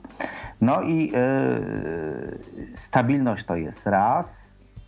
Yy, Druga kwestia mm, to jest system, na którym ja właściwie zacząłem tak yy, yy, szerzej używać gdzieś tam jakichś technologii asystujących w stylu programy powiększające, bo wtedy tak na marginesie y, to się zaczęło rozwijać tak, y, od strony mówię tutaj osób słabo widzących te kwestie programów powiększających tak na dobrą sprawę dobrze zaczęły się dziać chyba właśnie dopiero na tym silnym fundamencie, bo to jednak jest taka podstawowa jedna rzecz. Wy, wymaganie w przypadku programu powiększającego to jest względnie dobra i stabilna praca karty graficznej, bo tu jest po prostu kwestia tego, że ten obraz jest powiększony. Mm, yy, Kwestia jest ewentualnych tych pomocy, czasami wizualnych, czyli możliwości dodatkowego oznaczenia fokusa yy, klawiatury, wstawiania tekstu czy kursora myszy, więc troszeczkę minimalnie większe wymagania co do, co do stabilności głównie karty graficznej. Może nie jakieś wielkie yy, kwestie związane z mocą obliczeniową, ale głównie chodzi o stabilność systemu, bo jednak tutaj ten obraz jest przeskalowywany, jak sobie zmieniamy to powiększenie i tak dalej. I to był system, na którym ja tak naprawdę zacząłem pierwszy, yy, pierwszą przygodę z, z takimi poważniejszymi programami powiększającymi, tudzież powiększająco udźwiękawiającymi, mianowicie yy, program yy, Lunar. To jeszcze się nazywało Lunar wtedy, bo mówię, Dolphin tą linię swoich programów ujednolicił dopiero stosunkowo niedawno. To się wszystko razem Supernowa nazywa, ale zawsze był ten podział, że Lunar to jest program tylko powiększający, y, HAL to jest program tylko udźwiękawiający, a Supernowa to była hybryda, można powiedzieć, jednego Powiększająco. Ona zawsze- mówiący.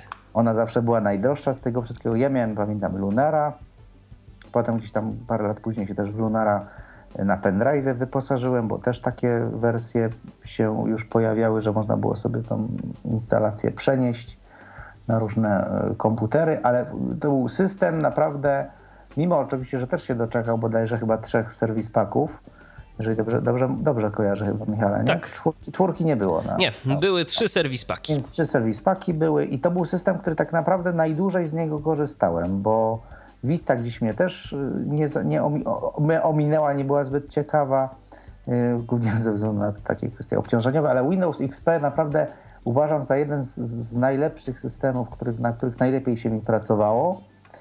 E, On wizualnie w stosunku do Windowsa, y, że tak powiem, e, do Windowsa 98 e, wprowadził nowy wygląd, tak zwany wygląd Windowsa XP, ale wyobraźcie sobie, że z perspektywy tej wizualnej, właśnie to jest system, którym ja zawsze e, po instalacji, pierwszą rzecz, co zawsze robiłem, ustawiałem wygląd na tak zwany, i to nawet się, była taka pozycja, klasyczny wygląd systemu Windows, tak to się nazywa, tak? Wizualnie.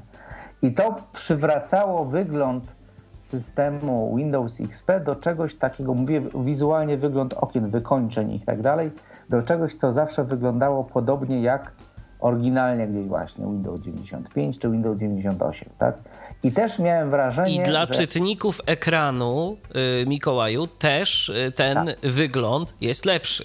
Tak, tak. Dlatego, że mówię, te kontrolki wszystkie, które są domyślnymi kontrolkami, jednak e, zawsze gdzieś e, że tak powiem. Tak na, tak na marginesie mam wrażenie, że to ma po prostu związek z tak zwanym, oczywiście programistycznym środowiskiem, tego tak zwanym Visual Basiciem, w którym tak naprawdę to środowisko gdzieś tam Windowsowe było nam napisane i na tych standardowych kontrolkach zawsze, jak programy czy, czytniki ekranu bazowały, takim dosyć ciekawym przykładem, gdzie y, jednak przełączenie się na klasyczny wygląd systemu, ja pamiętam to i z perspektywy nawet jak się czasami człowiek y, wspomagał czasami czytnikiem ekranu, pamiętam chyba w którejś z wersji mamy ten program Note 32, jeżeli dobrze pamiętam, to on też występował w dwóch wersjach, że tak powiem, można było przełączyć się. I zawsze przełączenie go na klasyczny wygląd i również programu Note 32 na klasyczny wygląd sprawiało, że się stawał bardziej dostępny dla, dla i czytników ekranu i, i w ogóle dla rozmaitych technologii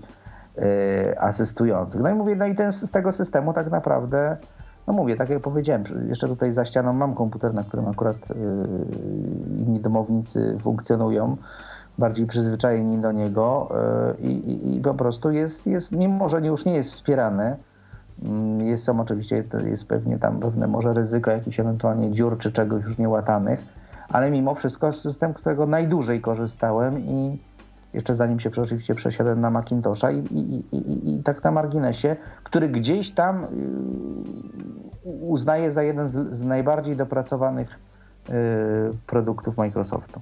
Tak, bo on po prostu tylko albo aż tyle działa. Nie ma z nim problemów. Większych oczywiście, a nawet jeżeli są, to też y, prawda jest taka, że można je dosyć często rozwiązać y, za pomocą różnego rodzaju y, porad w sieci, bo naprawdę no, do XPK to w internecie jest mnóstwo różnych porad, mhm. sztuczek. Pamiętacie Ten system jeszcze, został... skąd się wzięła słowo XP? Experience? Aha. Mhm. No, mamy dobre doświadczenia. Tak, tak, dobre. I rzeczywiście mamy dobre doświadczenia z Windowsem XP. Michale, no, co no. ty byś dodał? Właściwie chyba już nie mam nic do dodania, bo na XPK po prostu przeszedłem w... Powiem tak, ja tak mówię, nic nie mam do, do dodania, bo też ja nigdy nie miałem zasadniczo tych przygód za dużo z systemami operacyjnymi. Ja aż tak nigdy w nich nie grzebałem, aż tak nigdy nie instalowałem, nie, nie bawiłem się też w samodzielne instalacje, bo po prostu nie, nie umiałem tego robić na tyle pewnie, na tyle dobrze, pamięciowo jakoś tam technicznie, żeby sobie na to pozwolić, więc jeżeli już coś mi się stało, no to to kilka razy poprosiłem o pomoc y, po prostu. No i tak naprawdę jak ten system już miałem zainstalowany, no to póki mi się nic nie stało z komputerem, to on po prostu działał. No, ja wiem jedno, że na pewno już y, nie będziemy o tym mówić, ale jak, jak, jak się przesiadłem później, bo ja wisty nie, nie, miałem, na siódemkę, to ta siódemka mi się spodobała bardzo i odczułem y, jakąś taką większą stabilność, lekkość i w ogóle więcej różnych fajnych funkcji, ale to być może wynikało z tego, że po prostu miałem lepszy też sprzęt i no to są wiele czynników na to wpłynęło i to troszkę nie, nie temat też na tą, na tę audycję. Generalnie z XPK byłem zadowolony. To taki system, jak teraz powoli się robi Windows 7, system, który po prostu działał, oferuje to, co ma przepraszam, oferuje to, co ma do zaoferowania, czyli jakoś tam za zawiaduje tymi procesami, zawiaduje komputerem, no i tyle właściwie. No, nie wiem, co można jeszcze, bo musiałbym też bardziej tego XPK sobie przypomnieć i, i, jakoś tak, no o nim pewnie można by też kolejną audycję zrobić, co się pojawiało, co się nie pojawiało. Wiem, że to był też czas tych, kiedy zaczęły się pojawiać te aktualizacje częstsze bezpieczeństwa, wpierw problemy z bezpieczeństwem, a potem aktualizacje bezpieczeństwa.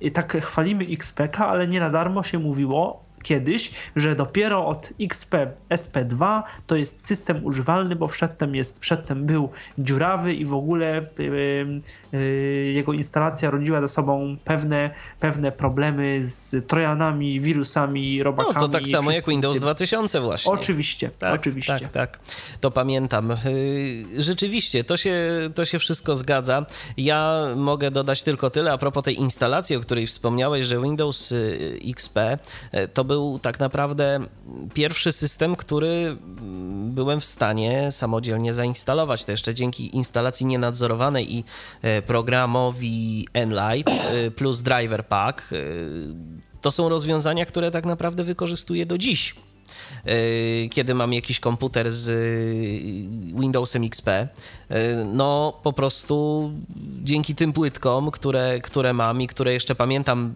no, lata temu, to w 2008 roku, z Rafałem Kiwakiem przechodziliśmy ten proces i przygotowywaliśmy to właśnie za pomocą Enlighta, później jeszcze za pomocą Driver Packa, żeby można było sobie jeszcze wrzucić sterowniki, bo w przypadku Windowsa XP to problem jest taki, że no niestety, ale po uruchu, po zainstalowaniu tego systemu zazwyczaj nie mamy dźwięku.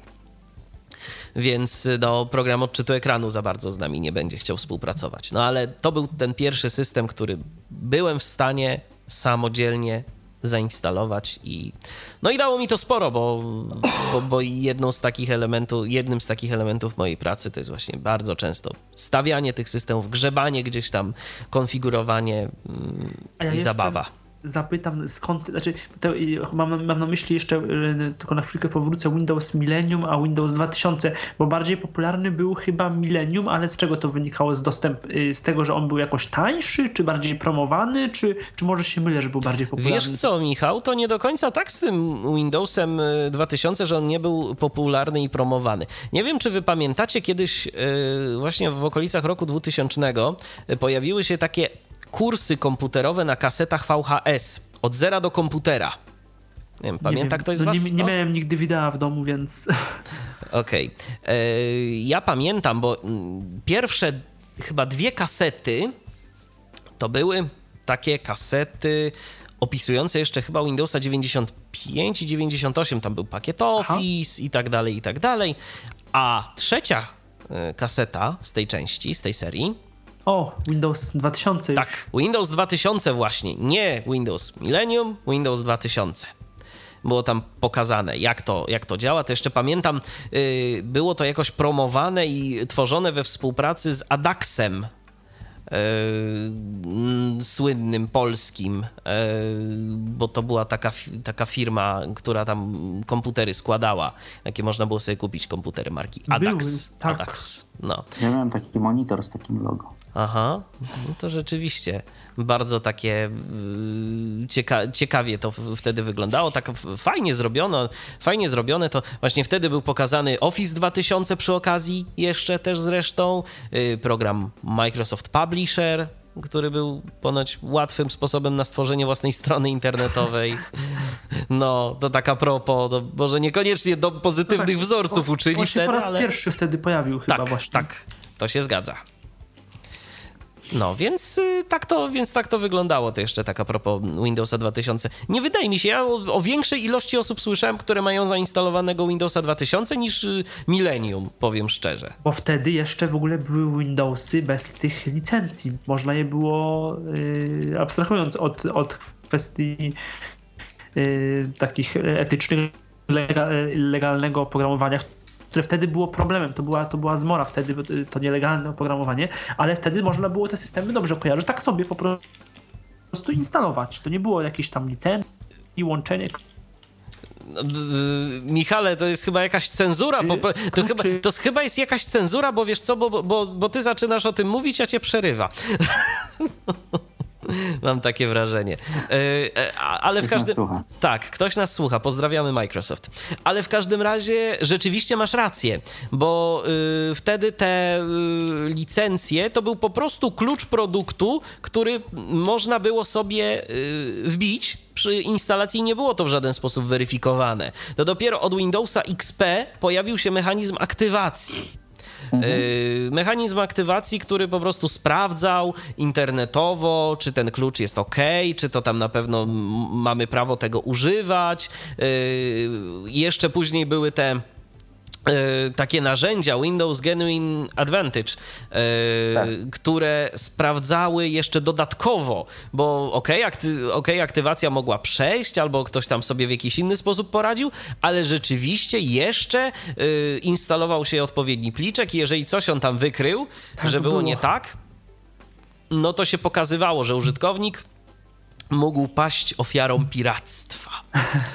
Tak. I, ale pamiętam to Genuine Advantage to nawet taki Microsoft nawet taki w cudzysłowie sklepik otworzył nawet dla tych, co mają legalne oprogramowanie, mogli tam zawsze mieć dostęp do najnowszych wersji jakichś tam dodatków w ogóle, tak, takich dodatków w ogóle nie instalowanych przez Windows Update, tak, ale takich Mhm. tam pobrania, jakiś tam właśnie ten e, Photostory, rozmaite różne takie oprogramowania Microsoftu, pamiętam, można było sobie dzięki temu w tej weryfikacji pobrać. Ja tak na marginesie wam powiem, mojego Windowsa XP, mam go gdzieś tam jako pudełko do dziś, e, e, zakupiłem w dosyć nietypowy sposób, jak go dostałem jako gratis do zakupowanego właśnie aparatu cyfrowego pierwszego. O, No proszę. 2002 roku.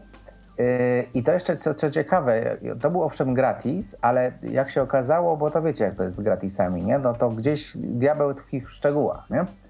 Bo jak tutaj kurczę do, do aparatu, który kosztował chyba z ponad 2000 zł, bo to też był jeszcze wtedy Sona, Son, Sony aparat kupowałem i był gratis i to był tylko w Mediamarkcie ten gratis. Wszędzie taka sama cena, a tutaj jeszcze gratis Windowsa XP dodają, tak? Aha. Ale co się okazało, owszem, mimo że to była wersja pudełkowa, to ona, i to była pełna wersja, natomiast ona miała status uaktualnienia. To było uaktualnienie dla użytkowników Windowsa 98.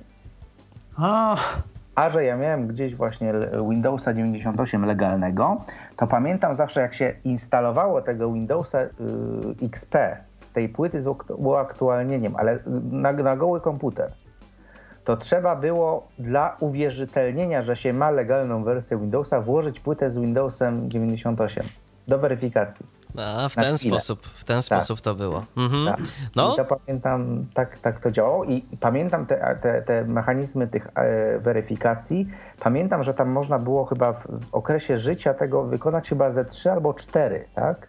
Automatyczne. I pamiętam, że kilka razy miałem sytuację, ale to się potem bardzo dziwnie zachowywało. Czasami bez problemu ta e, weryfikacja na, na komputerze, bo to był tak na marginesie, e, chyba generował po prostu Windows taki klucz sprzętny, klucz e, na podstawie konfiguracji sprzętu. Tak, wysyłał tak. go do Microsoftu, jakiś taki zahaszowany. I ja mówię, y, nie miałem za dużo aktualizacji, bo co najwyżej, wiesz, RAM dodałem, tam nie wiem, może chyba raz, nie, płyty nie wymieniałem, ale coś tam zawsze dodawałem, tak chyba kartę graficzną zmieniłem i pamiętam, że przy którejś tam mi, y, że tak powiem, powiedziało, że klucz się coś sprzętu zmienił, to chyba nie jest już twój oryginalny komputer. Y, I potem była taka kwestia, taka procedura telefoniczna. I miałem chyba ze trzy razy e, sytuację, w której po prostu dzwoniłem i to był na, już na polski warszawski numer do Microsoftu, dzwoniłem i musiałem przedyktować taki wygenerowany numer pani w słuchawce i ona mi potem przedyktowywała klucz aktywacyjny. A to ja jeszcze powiem taką ciekawostkę a propos aktywacji i tu w tym momencie mm, pozdrawiamy wszystkich użytkowników telefonów dotykowych, prawda? Ja y, już sobie, ja sobie z tym radzę, nie próbowałem na Androidzie, na, na iOSie jestem w stanie to zrobić, bo to już y, gdzieś tam praktyka, ale jest jeszcze coś takiego jak aktywacja telefoniczna, tak, telefoniczna. A ja y, to, Trzeba to i, wbić numer tak, drugi. trzeba wbić numer, który i to, i to jest w ogóle to jest w ogóle fajnie, bo musisz tak. y, Jedną piątkami się go wbija. y, słucham? Piątkami się go wbija. to Tak, znaczy piątkami. Dokładnie, dokładnie. I teraz tak. Ja to robiłem zazwyczaj tak, że kładłem sobie telefon gdzieś tam, ewentualnie ze słuchawką Bluetooth. Tu jedną ręką y, sczytuję sobie znak po znaku z komputera, ten numer, a drugą na telefonie dotykowym szukam tych cyferek i je wbijam. Ale już tak nie jeden system zaktywowałem, bo tam czasem są właśnie problemy, że nie, za którymś razem nie chce się zaktywować ten y, Windows, y, kiedy on ma ileś tam tych reinstalacji. No i w tym momencie rzeczywiście trzeba zrobić tę aktywację telefoniczną albo jak się coś tam zmieni. Także ja to już przechodziłem na telefonie dotykowym da się. Bo kiedyś tak właśnie się zastanawiam, jak to będzie. Mówię, a spróbuję. Przy okazji, nie? Słucham? Trochę gimnastyki przy Oj okazji. tak, oj tak, bo to się, trze- No bo to się zdrowia trzeba, dobre. bo to się trzeba streszczać. Tak samo jak się trzeba później streszczać z wpisywaniem, bo mniej więcej ten klucz jest podawany tak: 3, 8, 9, 2, 7, 5. I trzeba go dość szybko wpisywać w ten kreator później, który dostajemy, bo w odpowiedzi na wpisany ten klucz dostajemy ten identyfikator potwierdzenia i to też jest tam chyba 8 grup po 5 cyfr. Tak. Więc no, trochę gimnastyki jest. Dobrze, słuchajcie, tak myślę, że przebrnęliśmy przez y, te systemy operacyjne, które są już historią. Yy, zapewne na komputerach niektórych z Was jeszcze no, przynajmniej Windows XP gości, ale no, to już ja jest. na maszynie wirtualnej. A widzisz, widzisz. Więc, y, więc, to już, więc to już jest y, powiedzmy gdzieś tam historia, ale do, do tej historii czasem fajnie wrócić i sobie powspominać, jak to kiedyś yy, działało. No bo bez tego, co było kiedyś, nie byłoby tego, co jest teraz. Tak sobie powiedzmy szczerze. Tych... I, i ja, ja bym tak podsumował to też tak, bo jak my tutaj omawialiśmy te poszczególne rzeczy, te nasze praktycznie doświadczenia, mhm. Jakby to porównać z tym, y, coś, co dzisiaj robimy, że tam powiedzmy czasami ktoś narzeka tu, że w iPhone'ie mu coś nie czyta, tam takie, takie drobnostki praktycznie, tak? A ile myśmy się musieli nagimnastykować z tymi systemami, jakieś sterowniki, jakieś... Znaczy, bywają jeszcze sytuacje, że do dzisiaj się... Ale mówię, z niektórymi rzeczami naprawdę trzeba było się kiedyś naprawdę nagimnastykować po prostu. Zgadza się. Osiągnąć ten sam efekt. Ja dzisiaj może z perspektywy tego już nie czuję, ale ja sądzę, że, y, bo mam jeszcze kilku takich, powiedzmy, to już tak dygresja moja pewna, mam trochę znajomych, nawet zadzwonił do mnie ostatnio taki jeden znajomy, który sobie przypomniał, że ja mu gdzieś tam w 90 chyba, e, przepraszam, w 2003 albo 2004 roku instalowałem Windowsa XP. I on tego Windowsa XP od tamtej instalacji jeszcze go ma, mało korzysta z tego tak dalej, ale mu się coś tam zadziało i on by chciał to zreinstalować. Na szczęście powiedziałem po prostu, y, ja już nie używam Windowsa. Ale, co, ale co racja, ale co racja, to, ale co racja, to racja, Mikołaj, i użytkownicy, jeżeli dbają o sprzęt, to naprawdę ten system potrafią mieć yy, długo, długo. Ja mam takich kilku klientów, którym jak skonfiguruję coś, i ten komputer do mnie trafia celem tam poaktualizowania czegoś. No teraz to już nie trafia w zasadzie, bo robimy to wszystko zdalnie, yy, ale no jeżeli oni tam nic nie ruszają, a po prostu pracują, to tam system na przykład, no mam kilka takich maszyn, które od 2008 roku polegają tylko, ich, w ich działaniu to polega tylko na tym, że tam się coś zaktualizuje, jakieś oprogramowanie i to wszystko działa. Także yy, dobry użytkownik i dobrze wychowany użytkownik to jest też y, spory sukces i powoduje to, że te, że te systemy będą, będą działać długo, dobrze i sprawnie, jeżeli ktoś tam nie będzie za dużo grzebał. Tak, to z perspektywy serwisanta to tak. mówię, trzeba sobie też takiego użytkownika wychować, tak, żeby Zgadza się. wiedział czego nie robić, co robić, no, ewentu ewentualnie niech robi jak najwięcej, żeby później było, żeby była praca, tak? A to już jest kwestia, tak? Że mogą być właśnie tacy, tacy, którzy tylko na tym bazują, tak? Ale to sądzę, że jednak y, klient tak naprawdę to już tak, jeżeli mówimy o serwisancie, mówię komputera i tak dalej, to przede wszystkim, y, jak to jeden z moich znajomych kiedyś powiedział, on nie kupuje tej naszej usługi, on po prostu kupuje święty spokój. Dokładnie. Oj tak, to jest, y, to, to, to jest prawda. To jest prawda, bo, bo po prostu użytkownik chce, żeby mu to działało. Nieważne, tak, to co tam, to ma działać. I tyle. I tym optymistycznym akcentem kończymy naszą dzisiejszą audycję, w której podsumow...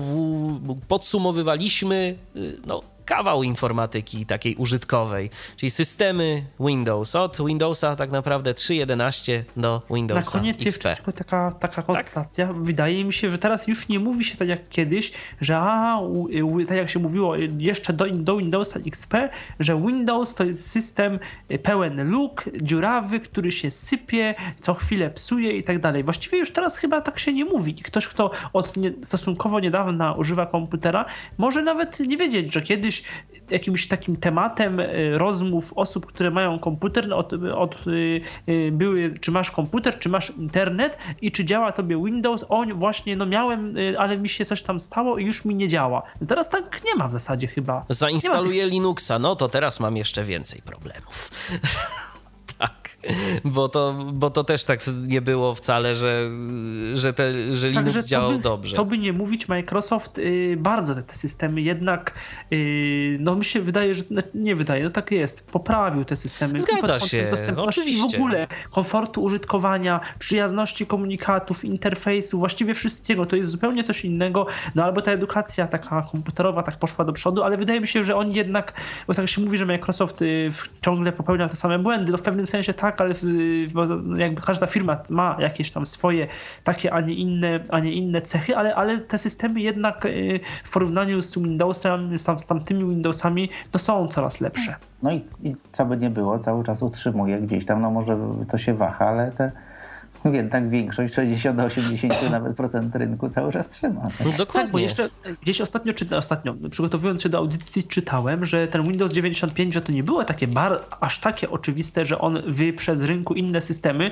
bo przedtem ludzie używali jeszcze systemów konkurencyjnych, to był chyba OS2, tak? I jeszcze jakiś taki, yy, które się tak. nigdy tak mocno nie przebiły, w Polsce tym bardziej, ale że one na tamten czas yy, były nawet lepsze od Windowsa 95. No to już wszystko zależy, podejrzewam, do czego kto y, używał komputera, bo tak naprawdę y, myślę, że, sensie, że Windows. W tym sensie. Lepszy, wiesz, ja myślę, że Windows y, też by się aż tak bardzo nie przyjął, ale y, jeżeli nie byłoby na niego oprogramowania. No tak naprawdę system stoi oprogramowaniem. Im więcej oprogramowania, tym po prostu to lepiej działa. No Użytkownik to ma wybór. To na pewno też, że został jakby udostępniony y, na, na, na, na, klony komputerów. Nie, nie ma tak jak z, z Macintoshem, że jest dostępny tylko na komputerach Mac, ale Microsoft postanowił, że będzie dostępny na wszystkie komputery klasy PC. Po prostu, dokładnie, tak? dokładnie. I to jest też. To była ta kwestia, to była ta jego otwartość w cudzysłowie, można no to powiedzieć. Może nie otwarty jak z, Android, kodem, ale... jak z Androidem tak, trochę. Tak, no i można by tak powiedzieć. I te same problemy tak naprawdę. tak, tak. tak. Dobrze, ale to już zupełnie inna historia i na zupełnie inną audycję. Dziękuję Wam bardzo za udział w dzisiejszym programie. Mikołaj Rotnicki i Michał Kasperczak e, byli moimi dzisiejszymi dziękuję. gośćmi. Dziękuję bardzo. Ja również dziękuję za uwagę. Michał Dziwisz, kłaniam się. Do usłyszenia, do następnego spotkania na antenie Tyfloradia. Był to Tyflo Podcast. Pierwszy polski podcast dla niewidomych i słabowidzących. Program współfinansowany ze środków Państwowego Funduszu Rehabilitacji Osób Niepełnosprawnych.